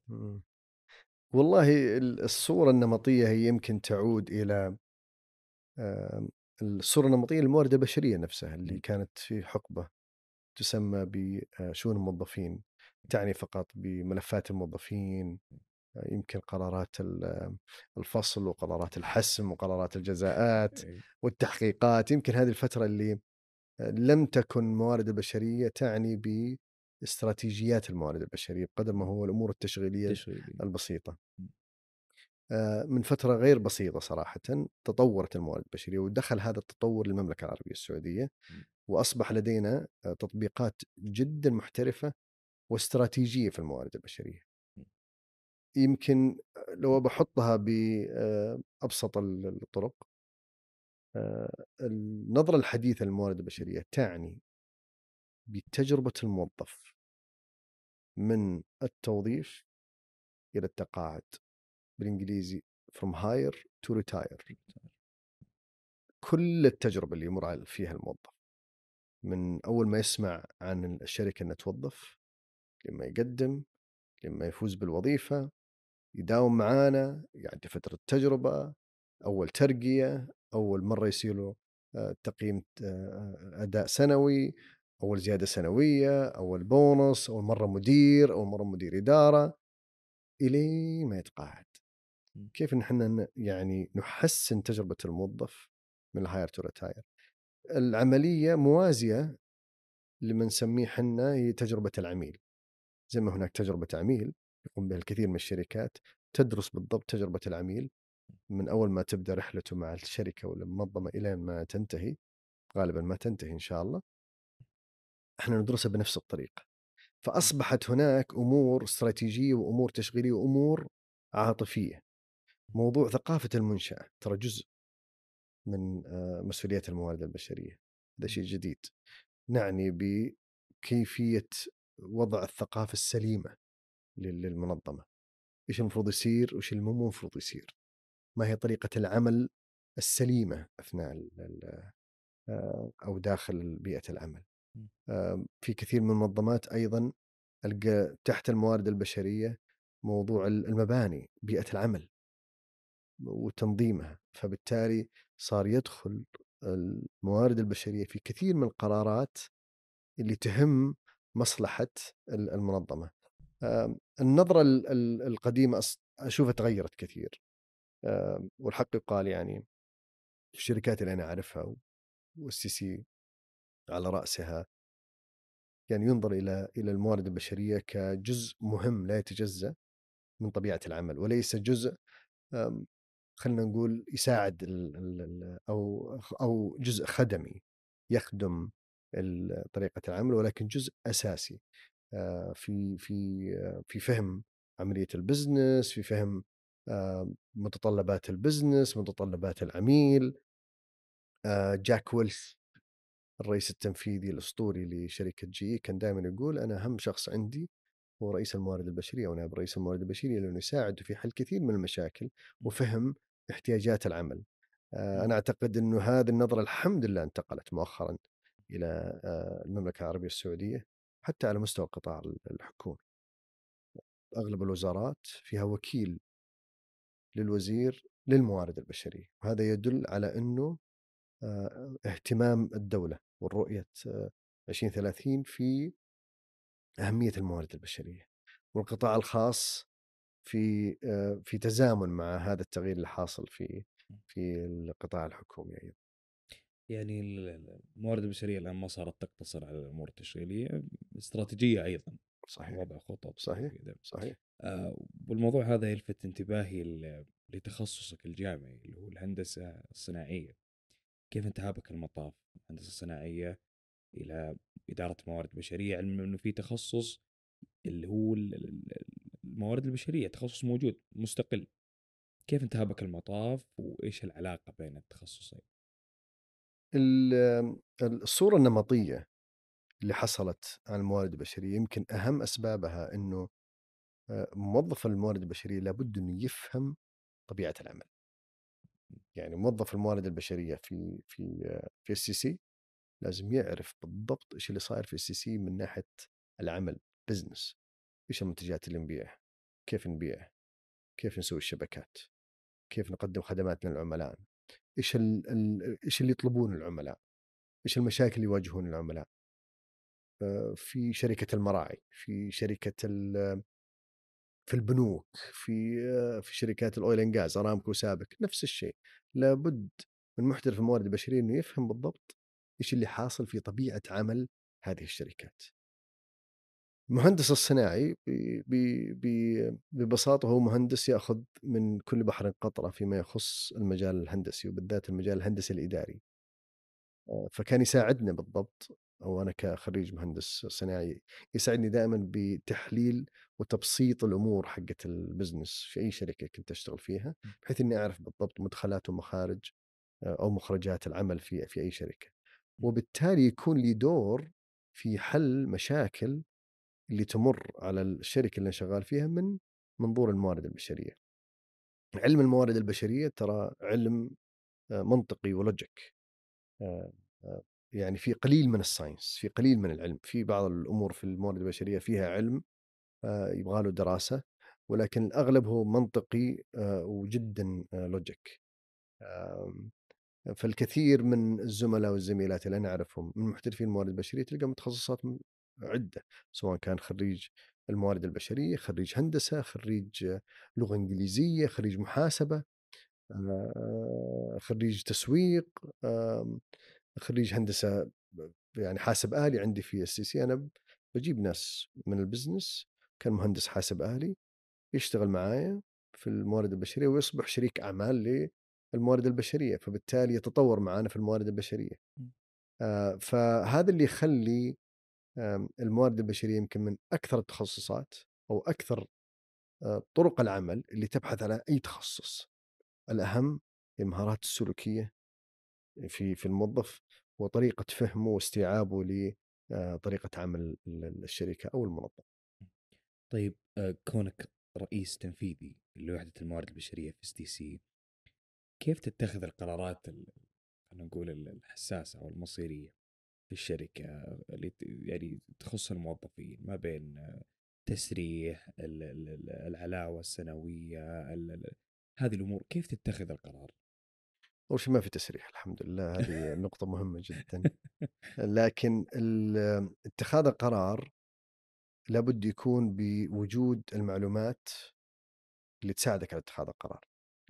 آه، آه، أنا صراحة وطريقة عملنا في ال STC ساعدتنا فيها كثير إحنا data driven يعني ندرس دائما البيانات والإحصائيات على الموظفين قبل ما نتخذ أي قرار. فلما نبغى نحط سياسة جديدة مثلا للترقيات. آه لابد إني أنا أدرس اللي إحنا نسميه طبيعة ديموغرافية ال- الشركة كلها. آه عدد سنين الخبرة حقت الموظفين وجودهم في الدرجات كم لهم ما ترقوا. ب- كم لهم في في الشركة من الموظف الجديد من الموظف المتميز من الموظف المتوسط.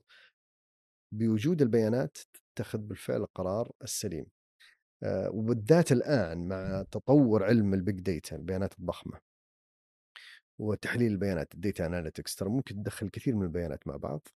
ب algorithm معين خوارزميات معينة. تعطيك صورة ما كنت ما كنت شايفها أنت ب... ب... بالنظرة البسيطة ولا العادية للبيانات اللي ممكن تساعدك في اتخاذ. الكثير من ال... ال... ال- القرارات. بعطيك برضو أيضا آه، مثال لما إحنا ندرس بالضبط حالة خروج ودخول الموظفين. الموظفين يستقيلون من عندنا ويتجهون من شركتنا إلى السوق سواء كان قطاع خاص ولا قطاع عام. بدراسة وتحليل هم من وين طالعين؟ من أي قطاع من أي قسم من أي إدارة إلى وين هم رايحين؟ ترى ممكن أعرف بالضبط الفجوات اللي في السوق ومنها ممكن أقرر في تخطيط القوى العاملة إيش الوظائف اللي أنا أبغى أوظفها السنة اللي بعدها. كمان ممكن تساعدني في إنه والله ممكن أبحث وأسوي تحليل من ناحية ثقافة المنشأة الكلتشر حقتنا. إذا كان عندي تركوني 200 موظف بس 150 موظف منهم في قسم. علامة استفهام أبدأ أسوي تحليل أكثر. لما أوصل للسبب الرئيسي هل هي والله طبيعة العمل المكيف ما يشتغل آه، صعب الوصول إلى منطقة العمل المدير ما يتعامل مع الموظفين بشكل كويس عندهم قلة آه، موظفين وبالتالي الموظفين عندهم احتراق وظيفي بشكل زائد. بالبيانات تتخذ القرارات. أنا ما ما أستطيع أتخذ أي قرار لمجرد إنه والله أنا إحساسي بكذا وأحس أو بحكم خبرتي المفروض إن إحنا نسوي كذا إلا لما يكون عندي كافة البيانات عن كل شيء أقدر أشوف كل بيانات أو أي معلومة ممكن أجمعها بتفيدني في اتخاذ القرار. وخاصة لما تكون منشأة كبيرة فالقرار بيكون مكلف ماديا. لابد إنك تتأكد انه بالفعل درست الموضوع من كافة المجالات وبالتالي وجود البيانات هو اللي بيساعدك إنك تتخذ القرار بكل اريحيه. طيب ممتاز آم، كونك خبير في الموارد البشرية إيش ال- اللي تراه الأهم في الموظف انضباط ولا جودة العمل اللي هو قاعد يقدمه. أه، طبعا الثنتين مهمة. وكمان معاها كذا شغلة. يعني ما تقدر تقول الانضباط بدون جودة ما ما حتجي ولا الجودة بدون انضباط. لك مستحيل إنك أنت تشوف واحد مرة ممتاز في عمله ودقيق في عمله ولكن غير منضبط دائما يتأخر في تسليم مثلا مهمل إي يعني. نعم. مم. آه ولا طريقة ال- ال presentation حقته ما هي مضبوطة مثلا ولا إحنا عارفين إنه ال quality حقته كويسة. أو العكس صحيح. هذه ما تجي مع بعض. آه أنا أعتقد إنه الانضباط ال- ال- ال- الجودة و أنا ما بسميها انضباط بسميها التزام.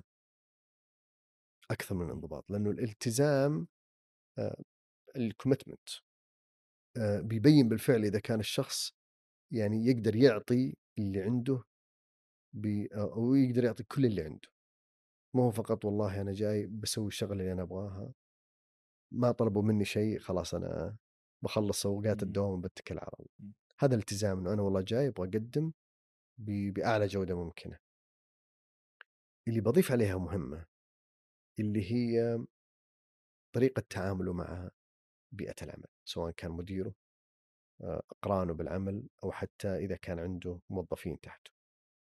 ترى هذه تحكم أكثر من الانضباط أو التزام الجودة. لو كان من- موظف ملتزم وجودة عمله عالية ولكن تعامله غير جيد مع الموظفين اللي حواليه هذه كلها تسقط التعامل الجيد ترى ممكن يغطي أشياء كثير.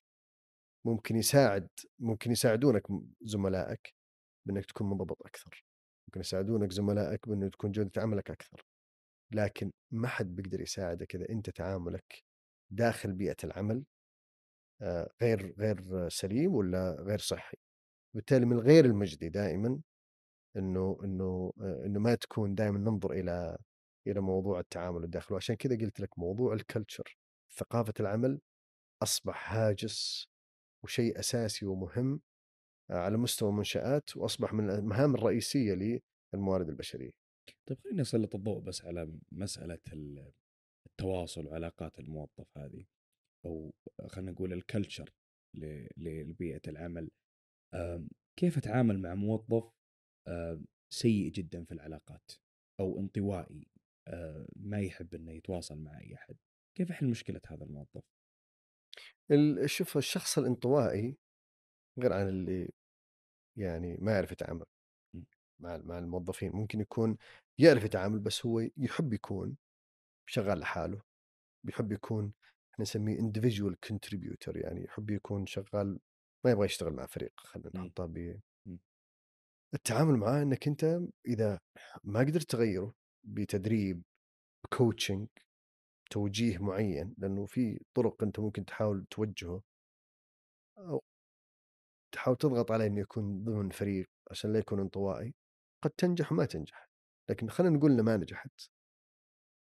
إحنا نحتاج الن- الناس اللي تجلس مكانها تكون انطوائية بس ما تكون أو ما تسبب مشاكل في بيئة العمل. يعني يكون انطوائي بس ما يضر غيره أو يكون انطوائي بس لا يسبب في توتر العلاقات داخل بيئة العمل.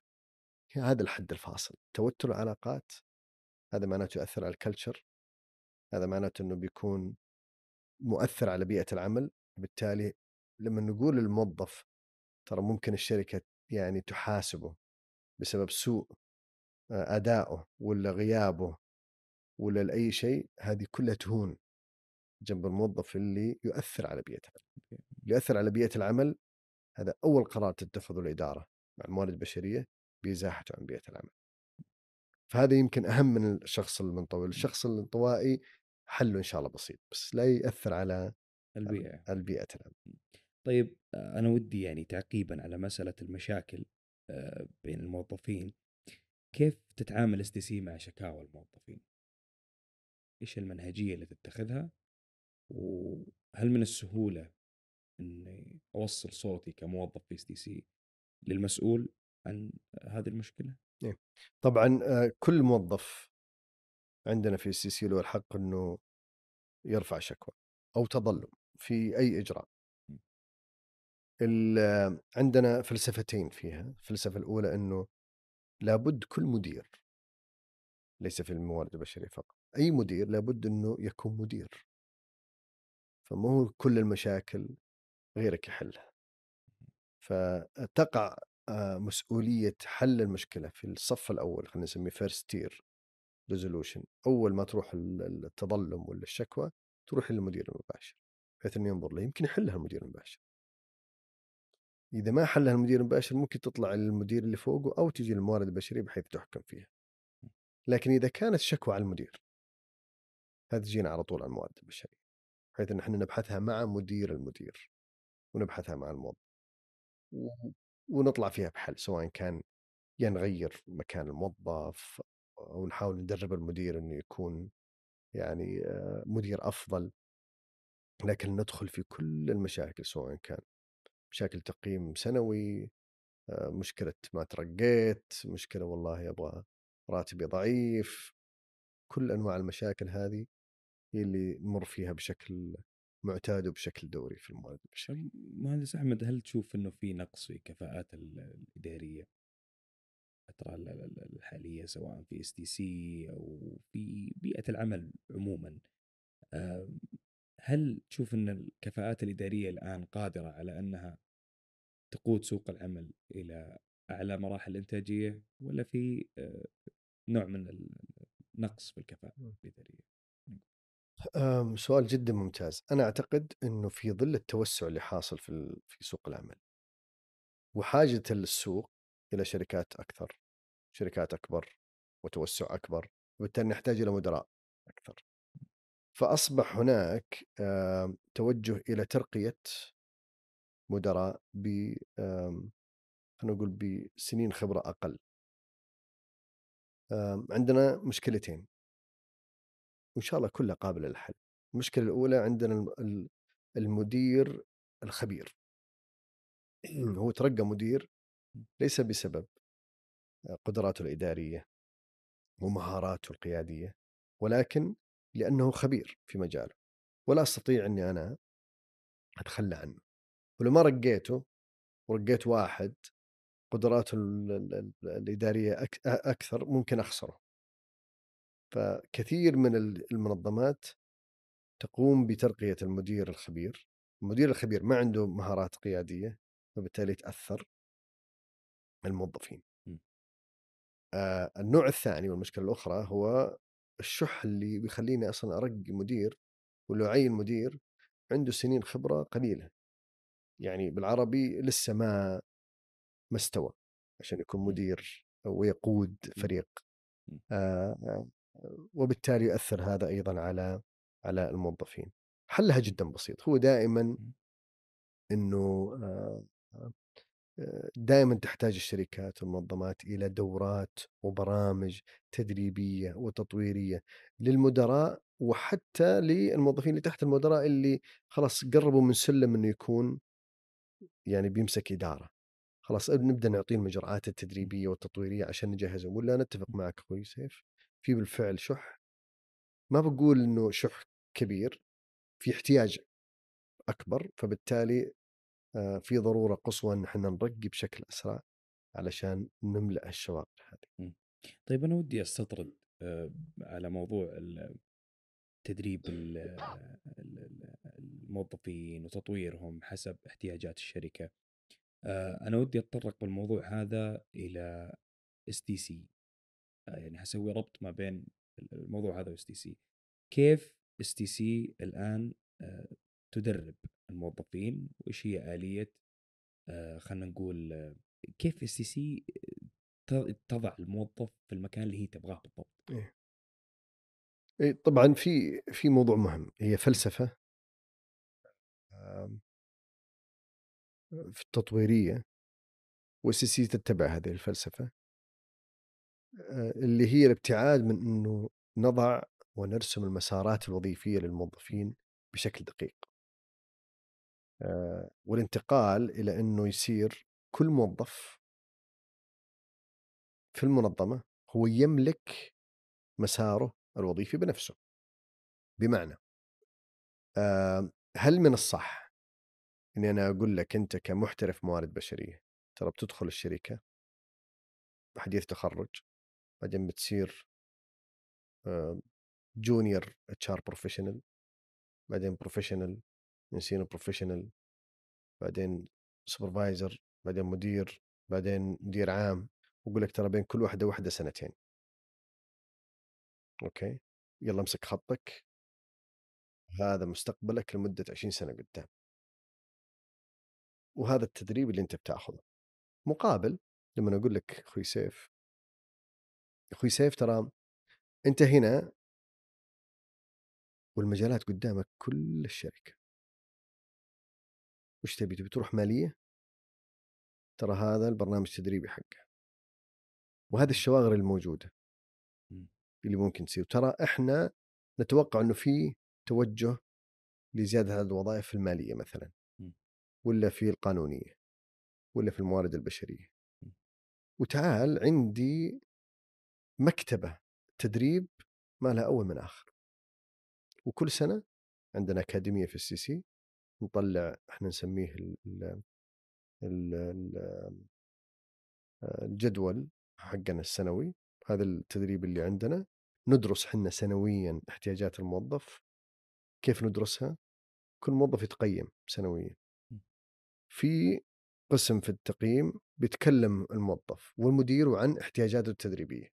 ونسجلها كل سنة ونجمعها وبناء عليه نوفر التدريب سواء كان أونلاين ولا physical م. فالموظف هو اللي يملك مسار الوظيفي هو اللي بيعرف متى يبغى يترقى وين يبغى يترقى وش احتياجاته عشان يترقى وش المجالات اللي هو يبغى يتعلم فيها إحنا بالنسبة لنا يعني نحاول قدر الإمكان نوفر جميع سبل التعليم مع إنه برجع أعيد إنه المفروض إنه كل شيء متوفر.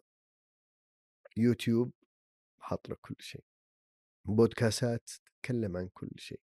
الكتب تطلبها من أمازون تجيك من أي مكان في العالم. صحيح. ما هو زي ما كنا متصورين زمان الا بد أحطك في classroom وأجيب لك بروفيسور يعلمك كيف تشتغل على شغلة معينة. فالموضوع أصبح بيد الموظف وهذه فلسفة تعليمية عالمية ليست في STC فقط. وليست بيد الشركة اللي تحدد دائما المسارات الوظيفية. طبعا هذه تنفع في بعض ال- الأمور لما نقول لك في المجال الطبي.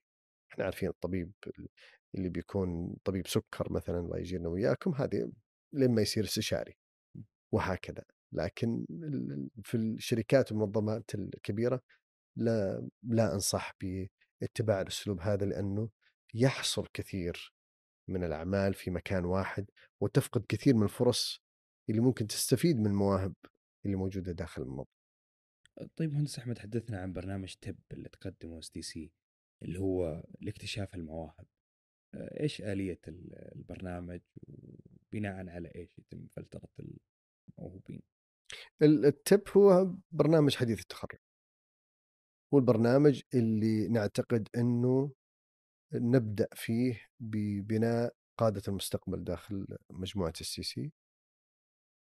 نبدأ بتحديد الوظائف اللي إحنا نحتاجها سواء كان في الشركة الأم أو الشركات التابعة، الآن اصبح التقديم عليه حتى على الشركات التابعة، فإذا أنت ترغب إنك مثلا خريج آه، هندسة آه، حاسب آلي ولا علوم حاسب آلي في الأمن السبراني وترغب إنك أنت تنضم إلى شركة سرار مثلا احدى شركاتنا المختصة بالأمن السبراني.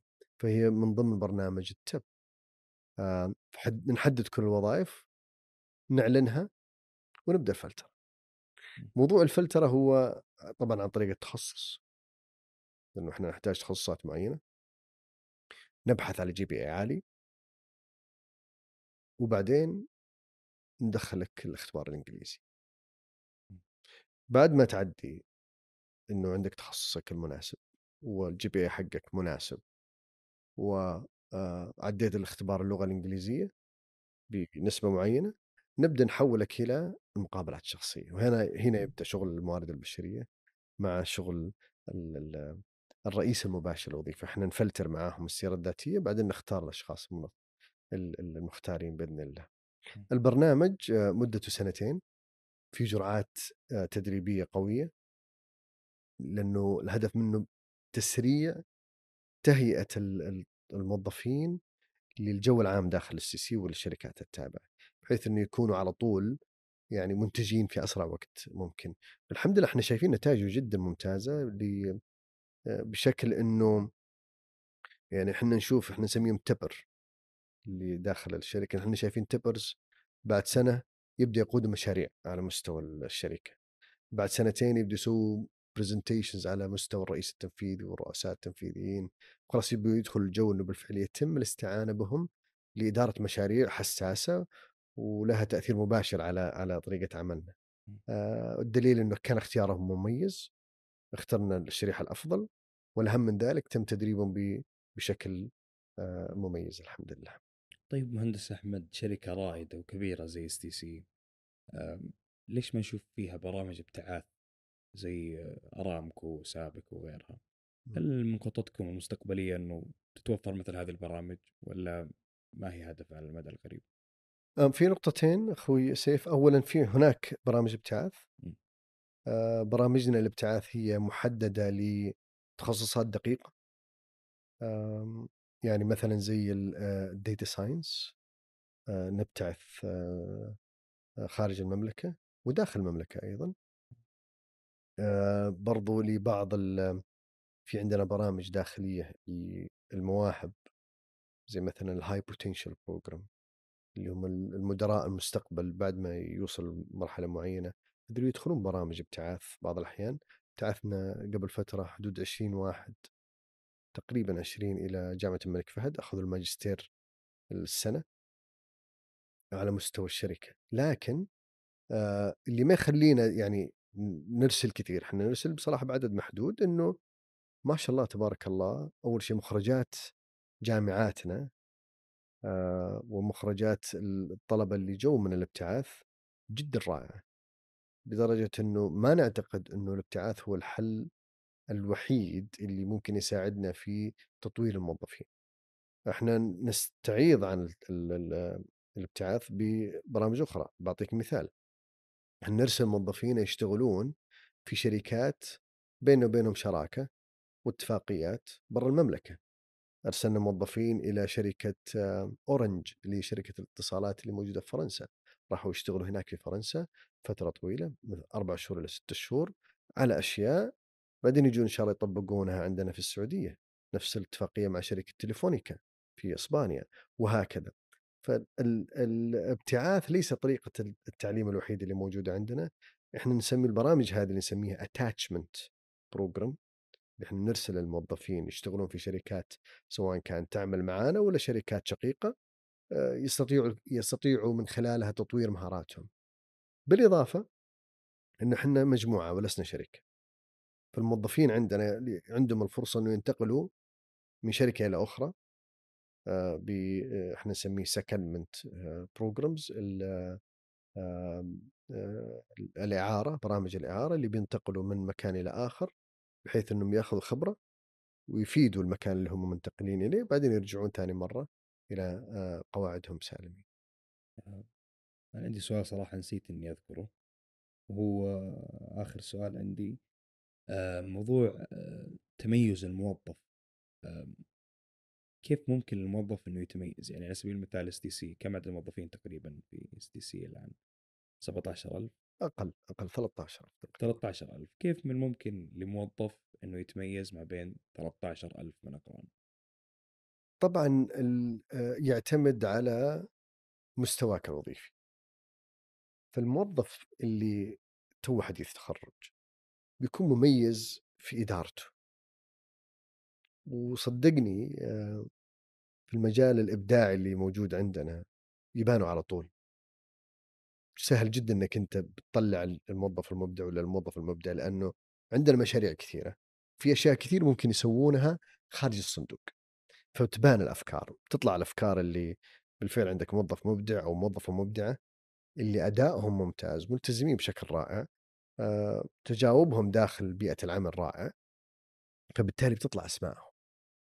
آمم، إحنا تقييم الموظفين عندنا آه، يعني مبني على الآن تونا مغيرين ومبني على إنه نعطي فيدباك أكثر. فنسمع من الموظف ويسمع منا أكثر. وبالتالي سهل إنه إحنا نشوف المواهب. ثانيا في برامج عندنا داخليه نسميها أو تساعدنا في آه، نطلع التالنت نسوي لهم اسسمنت يعني لما يكون الموظف تقييمه ممتاز ليس بالضرورة إنه موهوب. لكن شريحة الموظفين اللي تقييمهم ممتاز ندخلهم على assessment من ال assessment هذا يطلع لي الفروقات ما بين الموظف الموهوب نركز عليه نعطي له برامج وجرعات أكثر نعطي له مشاريع أكثر آه ومع ما شاء الله البيئة التنافسية اللي موجودة عندنا أصلا تبدأ الحرب بالمواهب الداخلية عليه. تلقى الإدارة الفلانية تبغى تاخذه القطاع الفلاني يبغى يستقطبه القطاع الثالث يعرض عليه ترقية الشركة الفلانية التابعة تعرض عليه إنه ينتقل إليها. ف آه، مرحلة أو مسألة الدوران في في المواهب اللي صاير عندنا في السي وأنا متأكد أنه في كثير من الشركات الكبرى أيضا لديها نفس الشيء صاير بشكل آه، طبيعي وشكل خلينا نقول متناغم اللي الحمد لله يعني جالس يوفر لنا كثير من المواهب لنا وأيضا يوفر للمواهب كثير من فرص التطور والانتقال من مكان إلى آخر. جميل طيب أنا كذا انتهت اسئلتي مهندس أحمد حاب أعطيك المساحة في حال حاب تضيف شيء أو تعلق على شيء معين. جزاك الله خير أخوي سيف أنا استمتعت اليوم جدا باللقاء. آه كان حديث آه اريحي ومريح جدا. آه يمكن رسالتي ل آه الرسالة الأولى هي ل لآباء وأمهات الطلاب اللي على وجه الدخول إلى خلينا نقول اختيار أو مرحلة اختيار التخصص بعيد بكرر. خليهم هم اللي يختاروا خليهم ياخذوا الريسك. ينظروا إلى الشيء اللي هم شغوفين إليه. أكثر من أنه وش اللي إحنا نبغاهم يكونوا عليه إن شاء الله إذا تخرجوا من الجامعة.